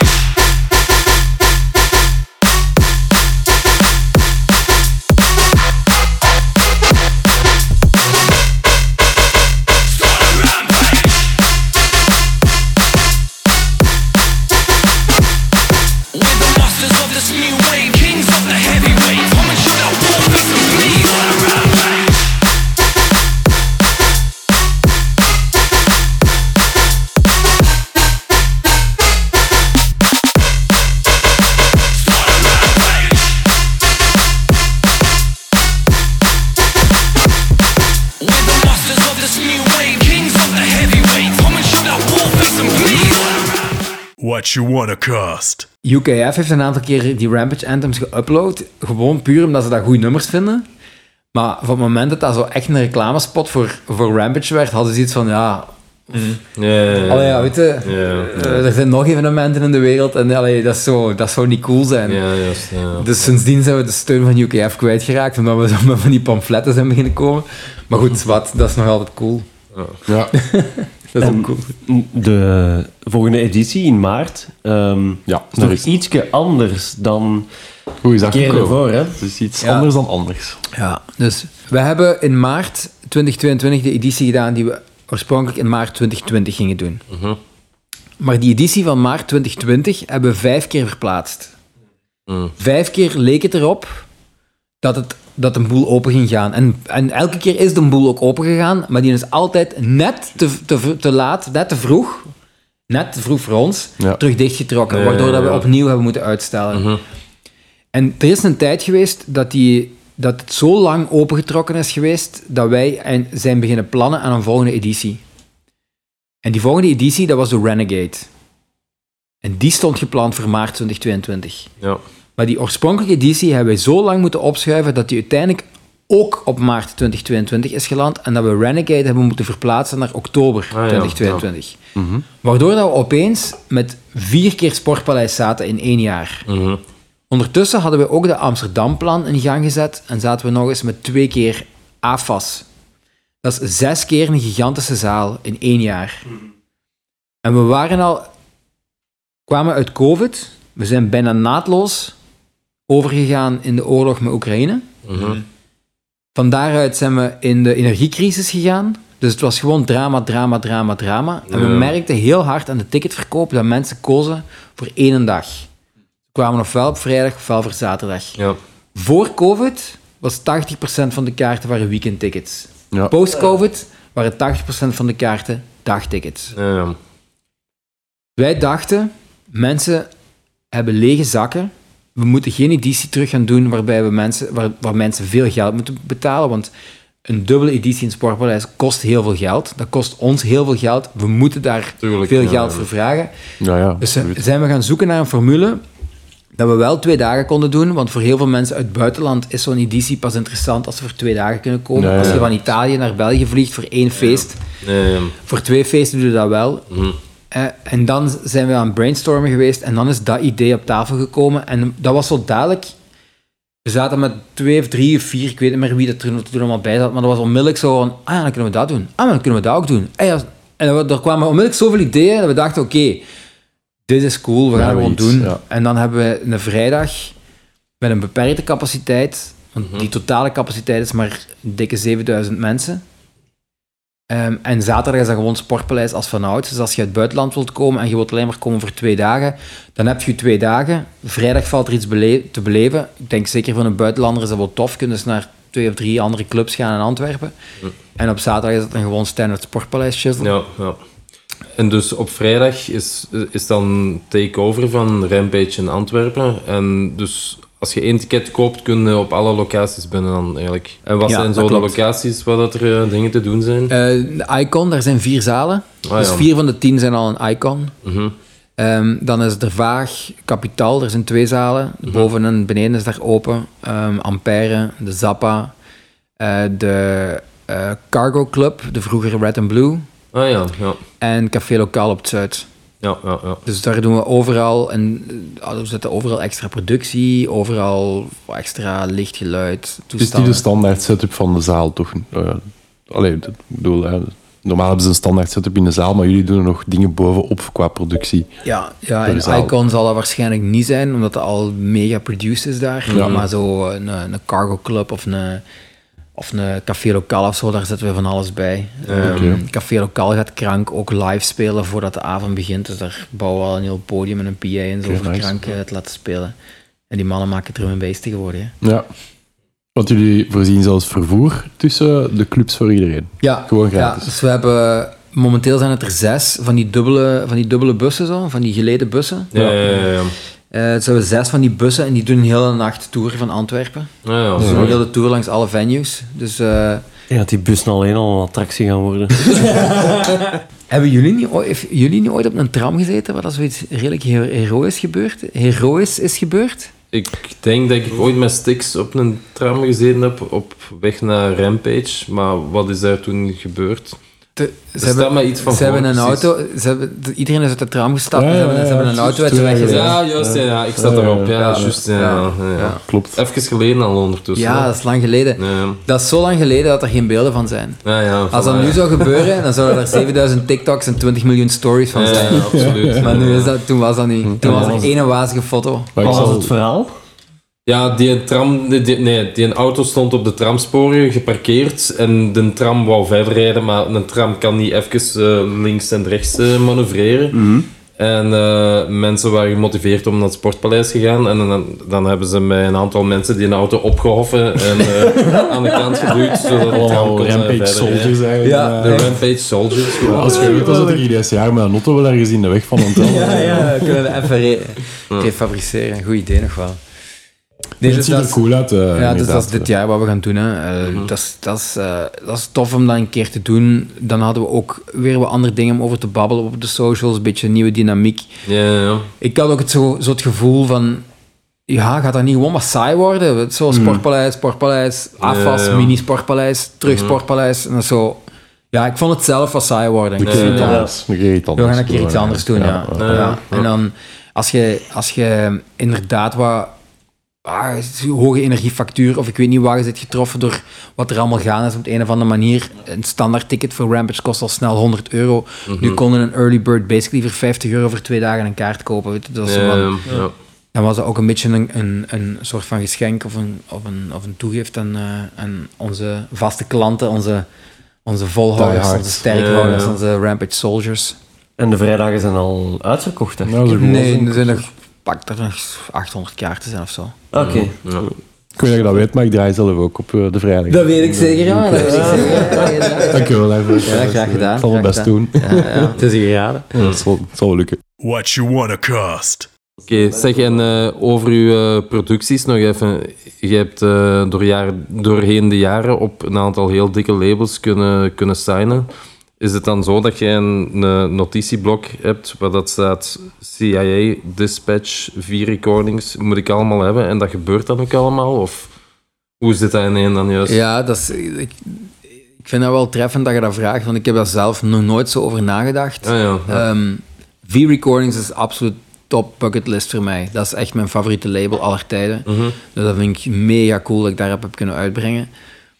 Ehm, CIA, die gasten van Total Science, dat zijn, ik ga niet zeggen dat dat vrienden zijn van mij of zo, maar ik heb daar vroeger zo dikwijls mee gedraaid. Ik heb die ook Ja. zo dikwijls geboekt. Ik kom daar heel goed mee overeen. Ja. Ehm, ja, ik kan die wel bereiken. Dus als ik muziek heb dat ik denk, dat is misschien wel iets voor hen, dan Ja, ja, ja. is dat ook wel makkelijk van tot bij hen te krijgen. Mhm. Ehm, dus ja, nee, ik heb, ik heb niet zo'n bucketlist die ik heb proberen af te strepen, maar als ik daarop terugkijk op dat lijstje, dan, dan is dat wel echt heel close, ja. Dan lijkt het wel zo. Ja, ja, ja. Ja. ja en V-Recordings heb ik eigenlijk te danken aan Serum, Ah, ja, die dat ik ja. tunes had gestuurd, en Serum heeft die naar Brian G gestuurd. Ah, ja, En hij had nice. Brian G gestuurd en eh, had gezegd dan... Had dat, hij had nog iets heel cools, ik weet niet meer wat het was, maar hij had iets heel cool geschreven. Zoiets van... Iets over kebabs misschien. Nee, nee, dat is pas later gekomen. Toen was hij nog niet zo meaty, denk ik. Ja, ja, ja. Nee, dat is zoiets van dat dat, dat, dat weapons waren, of some, some dangerous tunes of zoiets. En dan, Ja, ja, dan heeft. Brian G contact opgenomen met mij en dan Oh, heeft, ja. hij, heeft hij Tribes uitgebracht en dan Ja, daarna nog een paar andere dingen. Uh, totale, totale warboel daar bij V-Recordings. Dat is echt, je merkt zo hard dat zo Brian G, dat is echt, dat is echt een Jamaicaan, weet je. Stoner. Dat is echt een Jamaicaan. Die, is, allee, weet je, die gast. Is allemaal goed. Komt wel. Ja, eh, ja, Ziet er ja. altijd wel heel gelukkig uit. Hè. Ja, ja. Ah, sympathieke gast. Zijn DJ-set. Ja. Ja, ja, dat is waar, sowieso. Ja, ja, echt classic DJ. Ja, dingen, Metalheads is ook nog echt wel zo'n label wat ik heel graag op wil uitbrengen, maar ik maak eigenlijk geen muziek dat daarop past. Ja, ja, ja. En eigenlijk kan ik dat ook niet. Ik zou zo heel, heel geforceerd gaan klinken als ik iets zou proberen te maken dat op Metalheads Ja, pak, ja, ja, ja. eh, past. En uw Up All Night eh, remix? Ah, wel, dus met Up All Night Remix heb ik misschien de kans om daar ooit op terecht te komen, Ja, ja. maar tegelijkertijd ook duidelijk niet. Dus Want dat is echt wel een verhaal dat ik met plezier wil vertellen. Yes. Nog, je, je kent de, de, de topic eh, van elke podcast, hè? de vettige verhaal topic. Ik weet niet Ah ja, ik weet niet of dat dit eronder past, maar... Oké, dan hebben we Allee, straks nog ik, mee. ik, moet, ik heb er zelf echt heel We hard zijn mee gewoon naadloos aan het overgaan naar... Ja, ik, ik heb er verder. heel erg mee moeten lachen. Ik had, ik had dat nummer gemaakt omdat ik dat origineel nummer graag hoor. En dat graag wil spelen, maar dat is echt... Dat, dat rammelt zo hard. Dat past echt niet meer in het 2020. Nee. Maar gedateerd, hè. Ja. Ja, dat klinkt echt super gedateerd. No offense, maar dat, dat werkt. Dat, dat ga je, dat valt, alles valt gewoon weg tussen de twee andere nummers. Dus ik heb daar gewoon basically een updated versie van gemaakt, waar dat dan iets, iets eigenlijk wat meer een remix is geworden. En om te voorkomen dat ik ooit van een trap gesmeten zou worden door Goldie, Dat kan we al wel een keer eens doen. Red Eyes, you. eh, heb ik dat naar John B gestuurd. En ik heb gestuurd, eer, ik heb dat nummer geremixed. Ik heb dat naar niemand anders gestuurd. Ik ga dat alleen in mijn set spelen. En ik stuur dat nu alleen naar u. Opdat jij, opdat jij het zou weten dat ik dat gemaakt heb. Ja. Ja, ja, ja, juist. Ja. Ja. En next thing I know kreeg ik een mail van Goldie. Ah, ja. Where's the stairs? Ja, alleen al zo dat, dat, dat Goldie zijn e-mailadres op, opduikt in uw inbox. Dat, is zo, hij zegt zo, dat was echt zo van... Wat is zijn, wat is zijn naam? Eh, is het Goldie gewoon? Ja, het is, Gold, het is Goldie 1 of zo. Ergens iets zo. ja. Dus zo waarschijnlijk heeft hij al Komt een niet in keer... de spam terecht. Hij heeft eh. waarschijnlijk al ooit zijn paswoord kwijtgeraakt van de originele Goldie at Metalheads, maar het is nu Goldie 1 of Metalheads of zoiets. En die stuurt van, hey, eh, ja, supercool nummer, Ehm, we, gaan dat, we, gaan dat, ja, we gaan dat misschien uitbrengen. En ik zie van, ja, dit had ik echt niet zien aankomen. Mm. Super nice. Nu, dat is gemakkelijk 2018 of 2019 of zo, hè, dat ik nu over spreek. En, eh, en dan een jaar niks meer van gehoord of zo. Ik dacht, ik ga nog een keer polsen. Geen antwoord. Een jaar daarna dacht, ik ga nog een keer polsen. Ah, ik denk, een jaar daarna, ehm, ik moest een, ik, ik had een... Ah, is dat ook niet iemand... Had jij dat niet horen spelen, in XOYO? Of Stix, of Eh, iemand? Ik ben naar XOYO geweest. Iemand heeft Eh, mij- ehm, Iemand heeft mij getagd in een story. Met die iemand- NDC. eh, Ja. ja. Ah, wel, ja, ik was Ja. daar toen. eh, en wie was dat? Doc Scott heeft dat gespeeld. eh, Doc Scott speelde daar. NDC. Ja, NDC uiteraard en DJ Storm. Maar had Doc Scott dat nummer niet gespeeld? Dat zou kunnen, ja. Dus Ja. iemand heeft mij een bericht gestuurd of een story, in een story getagd of zo ergens iets, dat Doc Scott dat nummer aan het spelen was in die XOYO. Ja, ja, ja, ja, ja, ja. En tot dat, dat moment wist ik ook niet dat andere DJ's dat hadden. Hmm. Dus voor, voor zover ik wist, had alleen John Bida en Goldie.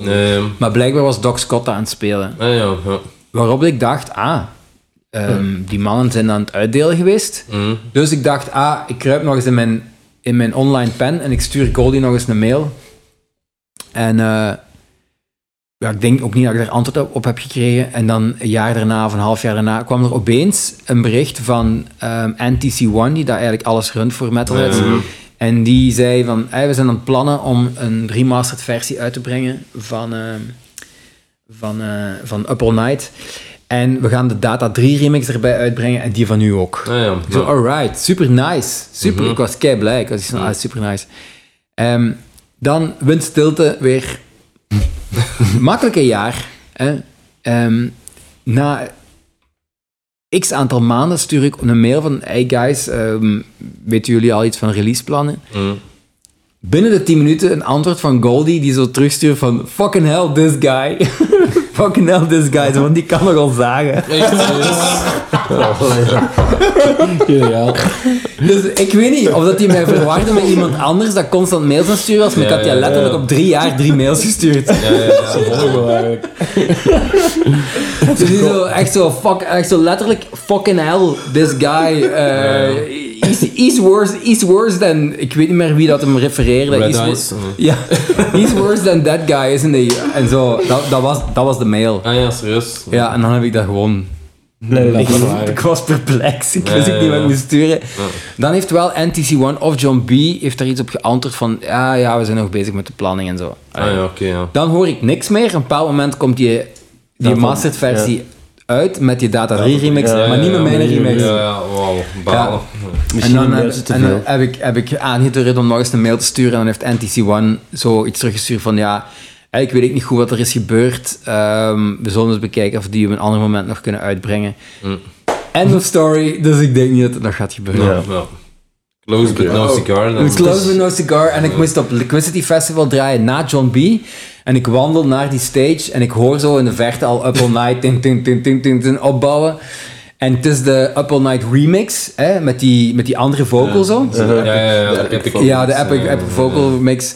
Dus ik kom zo aan en ik hoor hem dat spelen. Maar hij dropte in mijn drop.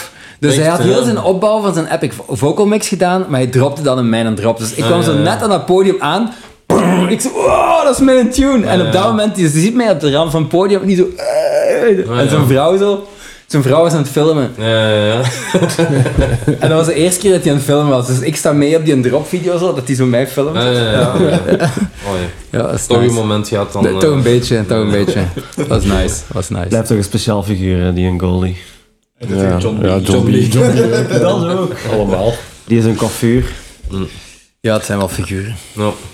Zeg, eh, we waren naadloos aan het overgaan naar het, eh, het, de katern eh, vettige verhalen in backstage toestanden of rock'n'roll verhalen. Ik kan aan uw ogen zien dat je er wel een aantal hebt, maar wat zijn zo de meest memorabele verhalen? Ehm, de meest memorabele verhalen. Het zotste dat je ooit Die je eh, Die ik kan vertellen voordat, Van mijn- uzelf of voordat van- mijn ouders gestorven zijn. Ja. Dus na, nadenken. Het moet niet per se over jezelf gaan, ook Ja, niet, of hè. Het over mag, celebrities. eh, Ehm, er, is een, er is een zomer geweest dat ik het nog wel heel hard te bakken heb gemaakt. Dat ik eigenlijk wel overal zo hard mogelijk aan het profiteren was van alles dat er mogelijk was. mhm. En een van de dingen dat ik toen gedaan heb, dat is een, ehm, een, zo'n gator gepikt op Tomorrowland. Ah ja. Ehm, ik ben eigenlijk door een security gast toen van het festivalterrein geplukt, toen al lang, lang, lang het festival gedaan was. En eh, die heeft me naar de, naar de parking gebracht en mij naar huis gestuurd. En die is toen zo dom geweest van, van zijn gator te stappen en weg te wandelen. En die, Dat zo dan op, eh, zo, dat je kunt rijden, hè, op ja, zo'n vier, vierwiels Ja. ding waar dat ze zo materiaal mee rondrijden op festivals. Ja. Ja, en ik was, ik was mij zo hard aan het amuseren. Ik kon die kans niet laten liggen. Tuurlijk niet. nee. En dan ben ik daarop gekropen en ik ben terug dat terrein opgereden. En ik heb er, ik weet niet hoe lang op zitten rondrijden, totdat ik diezelfde gast terug tegenkwam. en dat is een, en dat is een groot terrein, weet je. Dat is echt een groot terrein. We moeten echt al het beste doen om zo op dat terrein, met complete, een complete duisternis, ehm, diezelfde kerel terug tegenkomen. En die kon daar niet mee lachen. En dat was echt van... Die heeft me echt gelukkig een klein kind naar huis gestuurd terug, toen. En de rest van de zomer was dat echt zo'n running gag. Want om de een of andere, ja, weet je, heel de wereld werkt op Tomorrowland. Heel de event-industrie, zeker toen in, toen in België, werkt op Tomorrowland. En ja, ik heb zo'n tijd constant, elke zomer heb ik op alle festivals gespeeld. Dat was, ik speelde vier festivals per weekend.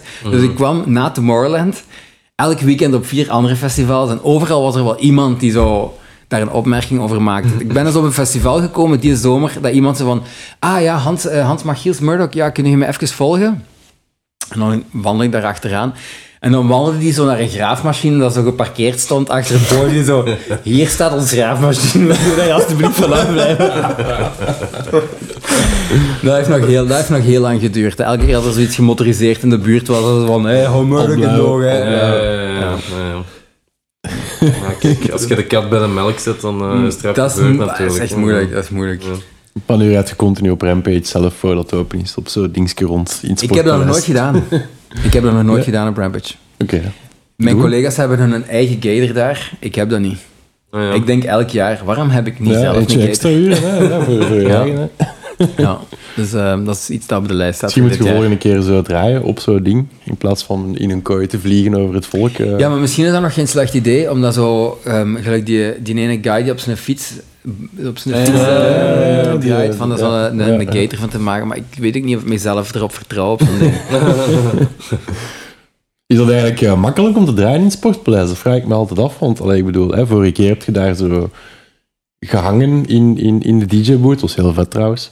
Maar op een bepaald moment sta je dan eigenlijk in het midden van de zaal. Dat, dat moet toch niet makkelijk zijn om, om, om, om te beatmatchen als je echt tussen Ah ja, maar daar, daar, staan, daar staan mega monitors, hè? Ja, want die hoorden Ja, zelfs, ja. je hoort als je in het volk staat, in Ja, ja, monitors. ja. Maar dan nog vraag ik me af van, dat Koen, echt. Koen eh, Mot, MC Motta, die, die, die kon dat gewoon niet aan. Omdat ik, draai, ik draai mijn oordopjes. Ja, hoe, hè. eh, hoe laat is het? Ja, dus ik draai mijn oordopjes en ik draai mijn monitors helemaal open. Dat is niet te luid voor mijn oren als ik oordopjes draag. Maar mijn oordopjes zijn min 15 dB, denk ik. En ik denk dat Koen ook wel oordopjes heeft of had, of dat die minder, min dB waren. Hij had toen ook in-ears aan om zichzelf te kunnen horen, in die stage. Dus misschien had hem geen oordopjes aan en dat was echt, die moest echt zo ver mogelijk van die monitors gaan Ja, ja, staan. ja. En die was echt aan het afzien. Ja, Dat is hij is er niet mee opgegaan toen. Hè. Hij is blijven staan op de main stage. zo Nee, nee, nee, hij gezegd, is mee, hij is mee erop gegaan. Hè? Ja? ja. Eh, Ja, tijdens Rampage? Ja, ja, ja, hij is er niet... Dat is dat verschillende keren gevlogen. Hè? Ah, ja, En hij is ook één keer mee geweest. Ja. Ah, oké, Ja. dat heb ik niet gezien. Dan heb je dan niet zo het gevoel van shit, I, I hope this doesn't break.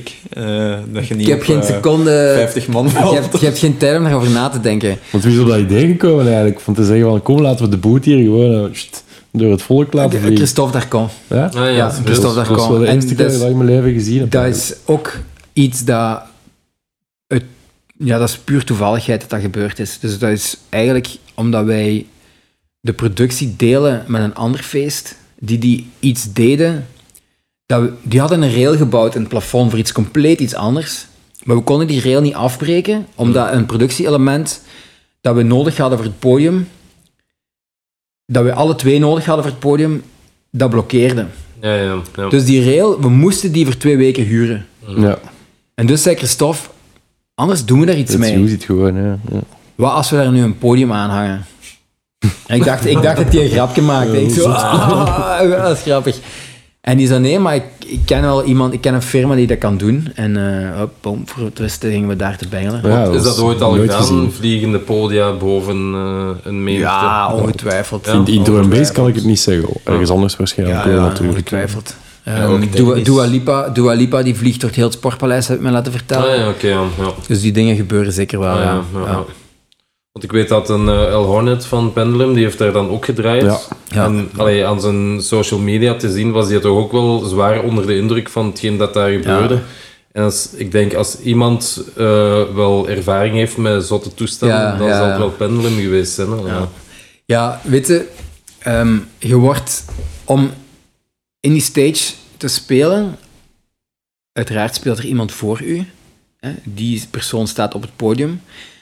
Die stage werd van achter het podium omhoog getakeld Ja, ja, ja, tot in het plafond van het Sportpaleis, maar dat is heel hoog. Hè? Mhm. Dat is echt heel hoog. Dat is duizelingwekkend hoog. En dan word je over het, over het scherm getakeld. Mhm. En dan zitten in het aller, allerhoogste punt van het Sportpaleis. Ah, ja. Op een plexiglazen vloer. Dus je kijkt recht naar beneden. Jezus. Ja, dat is, dat is het meest indrukwekkende moment van heel die set. Ja, Want ja. dat is echt scary. Dat is echt gewoon scary. Ik heb zelfs geen hoogtevrees. Ik vond het echt scary. ja, ja, dat honestly. eh. Dus als je dat... Of dat nu... Want ehm KD Coven heeft erin gezeten. Funcase heeft erin gezeten. El Hornet heeft erin gezeten. Used heeft erin gezeten. Cameron Crooked en, Ma- en Matthews hebben erin gezeten. Alles wat daarna gebeurt is oké. Het is dat moment, als je daar zo... Dat is, dat is gelijk een achtbaan, hoor. Dat is zo klik, klik, klik, klik. Ja, Dus je gaat zo You know it's coming. naar boven en dan zit, hangt het daar. En dan ziet je dat publiek allemaal beneden, zo groot. Ja, Mogen we is- dit jaar weer iets crazy verwachten? ja tuurlijk. Ja, tuurlijk. Kijk er naar uit. tuurlijk. What you wanna cost? Ik kan me wel nog zo'n conversatie herinneren, de laatste Rampage in de zomer, outdoor, met NDC, Dat was laat. op het einde van het festival. Ik bedoel, eh, onze eerste dag was dat, hè? dus de eerste dag. Ja. Dat we stonden met NDC in de, ja, backstage eh, bij u. Ja, de foto dat ik Ja, ja, ja, ja. ja. En dat we daar ook zo horen over NDC en hij wil langer spelen. En, allee, of whatever, hij had, ja, had iets te vertellen, hij was heel enthousiast, maar toch. Ehm, en dan is het wel plezant om te zien dat hij deze editie opnieuw draait. Dus, allee, ik weet niet, dat is geen vraag, dat moet misschien niet opgenomen worden. maar ik vind, dat wel, vind dat wel gewoon... Allee, ik stond daarbij, ik keek ernaar en ik zag zo NDC, yo, ik heb me geamuseerd, maar gewoon, misschien wil ik wel twee uur spelen of langer of whatever, want één uur was te kort of zoiets. Het Dat volgende was in de maak dus eigenlijk, ja. En, en jij daarbij, en, en nu zie je zo NDC op, op Rampage terug. Ja. En dan denk ik zo, is het zo simpel? Hè? Zo als in, is het zo'n klein groepje. dat, eh, dat, hij, dat hij aangeeft dat het niet ja, voldoende was. En dat hem, spelen en dan Ja. je hebt groot gelijk. ja, Eh, Eh, ik ik zal je vertellen waarom de NDC draait eh, in het Sportpaleis. Eh, uiteraard is NDC gewoon ja, een legend. en, is ehm, NDC, ja, ja. ja, het is gewoon NDC. Eh, dat is- dat is dat. Ehm, maar hij was geboekt op Rampage Open Air. En door de problemen die we allemaal hebben gehad in het festivalland met leveranciers en personeel, is de productie van de stage waar dat hij op geprogrammeerd stond veel magerder uitgevallen dan oorspronkelijk het plan was.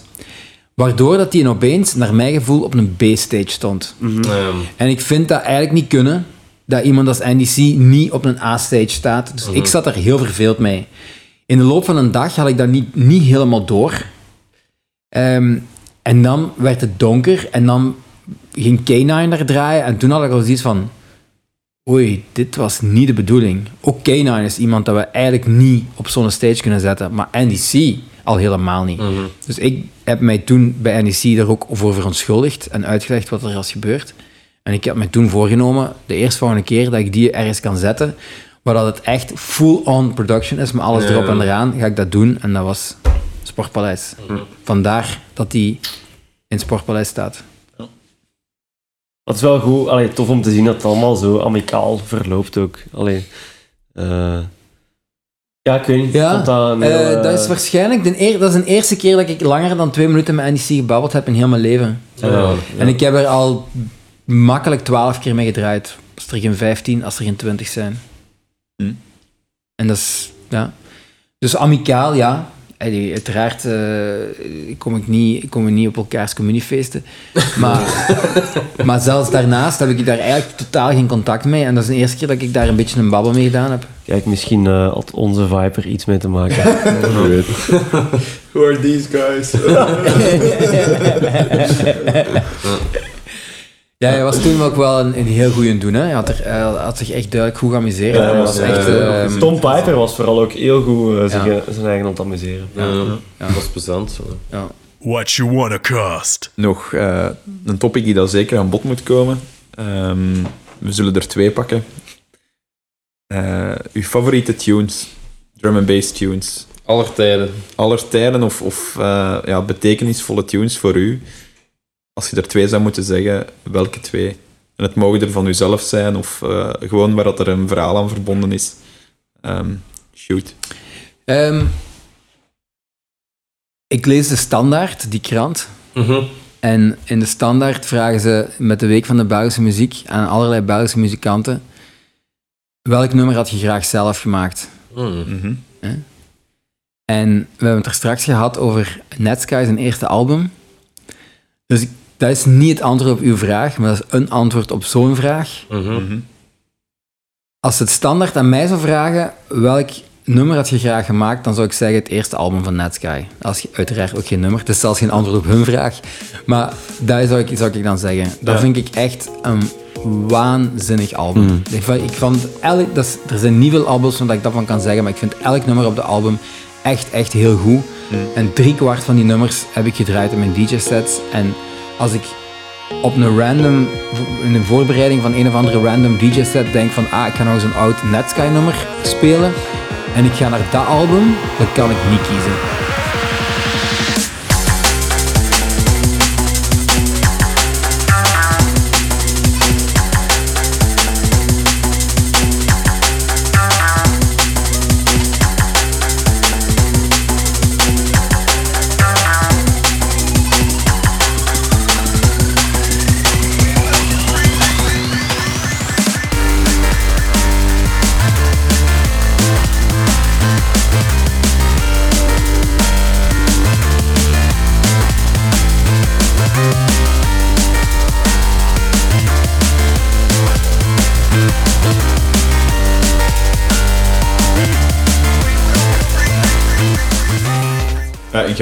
Hebt, je hebt de productie van de album waarschijnlijk ook gewoon van heel dichtbij gemaakt. Alleen meegemaakt, hè. Ehm, Ja, om nog even over de album te hebben, dat is iets dat ik echt tegen iedereen altijd zeg die muziek wilt maken. Ehm, je ziet op zo, tegenwoordig wil iedereen zo'n Instagram-worthy studio hebben. Hè? Mm. Met zo wat eh, backlighting en liefst nog maar verschillende kleurtjes en ja, ja. supercoole monitors en zo. En wel, Boris heeft de album gemaakt op een laptop, een PC uit een Aldi. Medion. Ja, maar echt waar, hè? Maar echt een PC uit een Aldi In zijn Met- slaapkamer waarschijnlijk. in zijn slaapkamer met twee, dat, dat waren zelfs geen monitors, dat waren gewoon boxen, waarvan hij zijn vinger moest houden tegen de basswoofer van de ene, omdat hij anders deed. Eh, ja. Zo heeft hij dat gemaakt. En die, zijn, en die zijn, kan niet zo goed zijn. en die zijn koptelefoon, dat was de crappiest koptelefoon dat je ooit in je leven hebt gezien. Allee, we hebben er zo allemaal een gehad. Ja, ja, ja. Maar ik draai met een goedkope Sennheiser koptelefoon. Ja. Die doet de trick perfectly. Dat was een gouden kop, dat is een gouden koptelefoon vergelijk ik wat Boris Ja. album heeft gemaakt. Dus als je denkt, ik heb allemaal gear nodig en ik heb allemaal stuff nodig, nee, ik heb dat is nodig niet wat- zo. dat is Nee. echt niet waar. Dat is echt niet waar. Je hebt wat gecrackte software nodig, crappy computer en gewoon veel goesting en, en, en, en, en talent en inspiratie. Talenten, ja. Ja. Ja, dat is waar. Ja. En het tweede nummer? Dat iets van gezegd? Ehm, ja, dat, we gaan, weet je, ik zou zeggen... of ehm, een derde eventueel ook. In Love. In Love van Jenna G. Oh ja, Eh, mooie keuze. Zou ik dan zeker zeggen. Dat is echt... eh, ik, heb ook, ik, heb ook, ik heb ook heel veel geschiedenis met Jenna G. Ehm, In Love is een van de nummers waarvoor dat ik haar ben beginnen opzoeken en contacteren. En eh er zijn heel veel, heel veel mooie dingen uit voortgekomen uit dat contact. Dus In Love, ook nog altijd een pees van het schijf.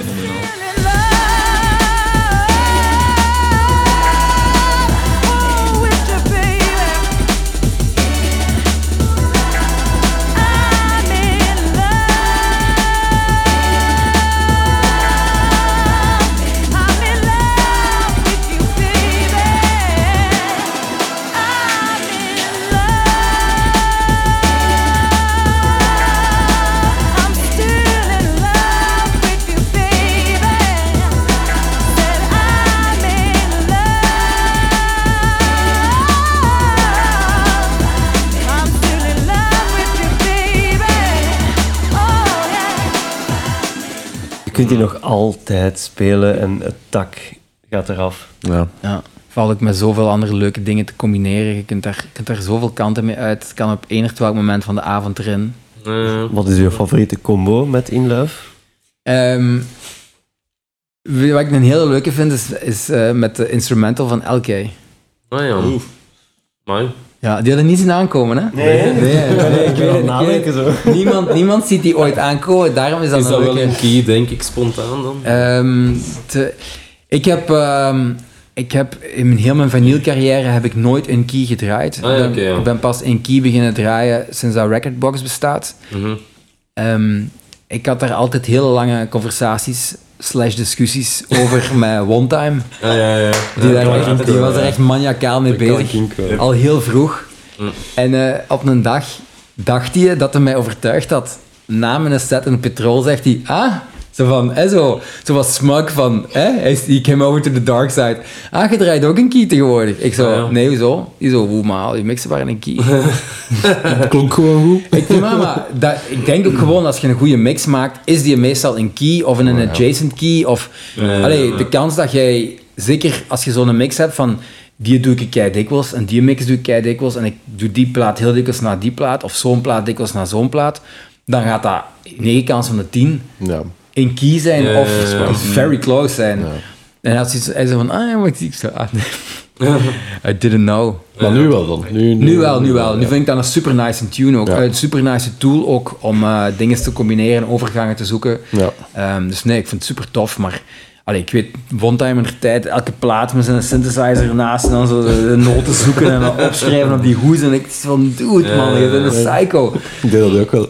ja, ja, hij niet alleen, jij niet alleen. Allee, ik, kon dat, ik mixte ook veel meer op eh, het ritme van de, van de drums en op... Ja, ik mixte Oh, veel op meer de op... duur dat het te veel aan het letten op mixen in key, dat je eigenlijk niet meer gewoon je Creatief, echte gevoel aan het volgen bent Ja. van dit, dit Ja. zal er gewoon een goede combo zijn. Ja. What you wanna cost? Is er eigenlijk nog iets waar dat je nog nooit gedraaid hebt en toch nog heel graag zou willen doen? Ja, of wat zijn uw ambities nog? Want je lijkt al eh, alles waargemaakt te hebben, maar... Ja, dat is absoluut zo. Dat is absoluut zo. Toen COVID kwam, ik had zoiets van, oké, it's, been a, it's been a hell of a ride. Mhm. Als het nu stopt, fine. Allee, Ja, ja. Wat, wat, wat kan er nog gebeuren? En dan is COVID, dan is COVID gedaan. En ik, sindsdien heb ik zoiets van, alles dat nu gebeurt is gewoon extra. Ja, ja. Ik heb, ik heb alles kunnen doen, dank u. Ik heb alles kunnen doen dat ik ooit van zou kunnen hebben dromen. Het zijn zelfs geen dingen waar ik van heb gedroomd, want die dromen, dat, dat was er gewoon niet, dat we daar straks over gehad hebben. Dus nu is dat zo, ah, ja, eh, Hans, eh, je mocht in Puerto Rico gaan draaien. Allee, are you fucking kidding me? Ja, ja, ja. Eh, dat, is, dat is gewoon volledig out there, weet je. Maar je hebt zo niet de drang van het moet nog groter en nog meer of zo Kan zijn. het, kan het nog groter Of ja, zijn? kan, Kan het, het nog- zelfs kan het nog überhaupt meer? groter zijn? Nee, ik heb die, weet je, ik heb die drang totaal niet. Ah, ja. Totaal, totaal niet. Nee, absoluut niet. Ehm, het enige hoe dat ik dat zie is dat ehm, ik denk dat stilstaan achteruitgaan is in, in, in de eventwereld. Als we het specifiek hebben over events, denk ik dat stilstaan achteruitgaan is. Dus ik vind dat je elke, elke keer dat, je, dat, je een nieuwe editie, dat wij een nieuwe editie doet, moeten we improven, moeten we verbeteren. Dat vertaalt zich meestal in meer en groter. Ja, ja. Ehm, maar ook niet alleen meer en groter, ook gewoon beter. Ehm, ja, je, we, zetten, we zetten dit jaar op Rampage Open Air weer een extra stage bij. En daar kunnen wij dingen doen die dat we anders niet kunnen doen. Een soort acts programmeren die we anders niet kunnen programmeren. Of bepaalde DJ's die we anders wel op een eh, drum and bass stage zetten. Op een stage zetten waar dat ze wat meer kunnen freewheelen. Ja, ja. En of waar ze wat dieper kunnen gaan in wat ze eigenlijk leuk vinden. En niet, niet hard op het publiek moeten spelen, maar meer hun ding kunnen doen. En, en dat is dan weer beter. Dat lijkt ook meer, maar door meer is het ook beter.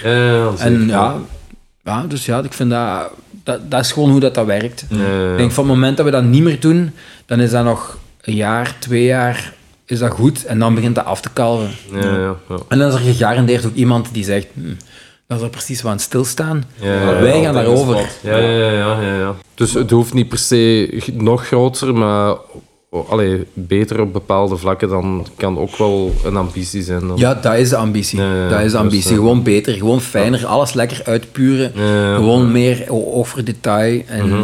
En dat gaat er dan hopelijk ook wel voor zorgen dat we weer groeien. Juist, en ja. dat geeft dan weer opties om toch nog weer iets anders te doen. En dat gaat dan ook weer groter en meer zijn. Ja, ja, ja. En zo helpt het een het ander vooruit. Maar het doel is gewoon van, van iets super cool neer te zetten en dat altijd cooler te maken. Ja, je gaat nog niet op pensioen gaan. eh. Coaches zeggen, ik ben niet aan het stoppen. Nee.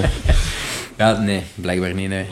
What you wanna cost? Nou ja, Hans, eh, heel erg bedankt zou ik zeggen om eh, tot hier te komen, met ons in gesprek te gaan. Het was heel aangenaam. Het was leuk om eh Rampage achter de scherm ook een beetje te horen.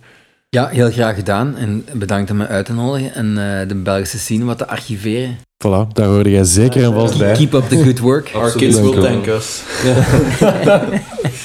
Oké, en we zien u binnenkort sowieso wel eens ergens terug. hè. Op Rampage. Op Rampage. Rampage. Dankjewel, Ciao. Thuis. Thanks, Ciao. guys. Thanks, guys. What you wanna cost?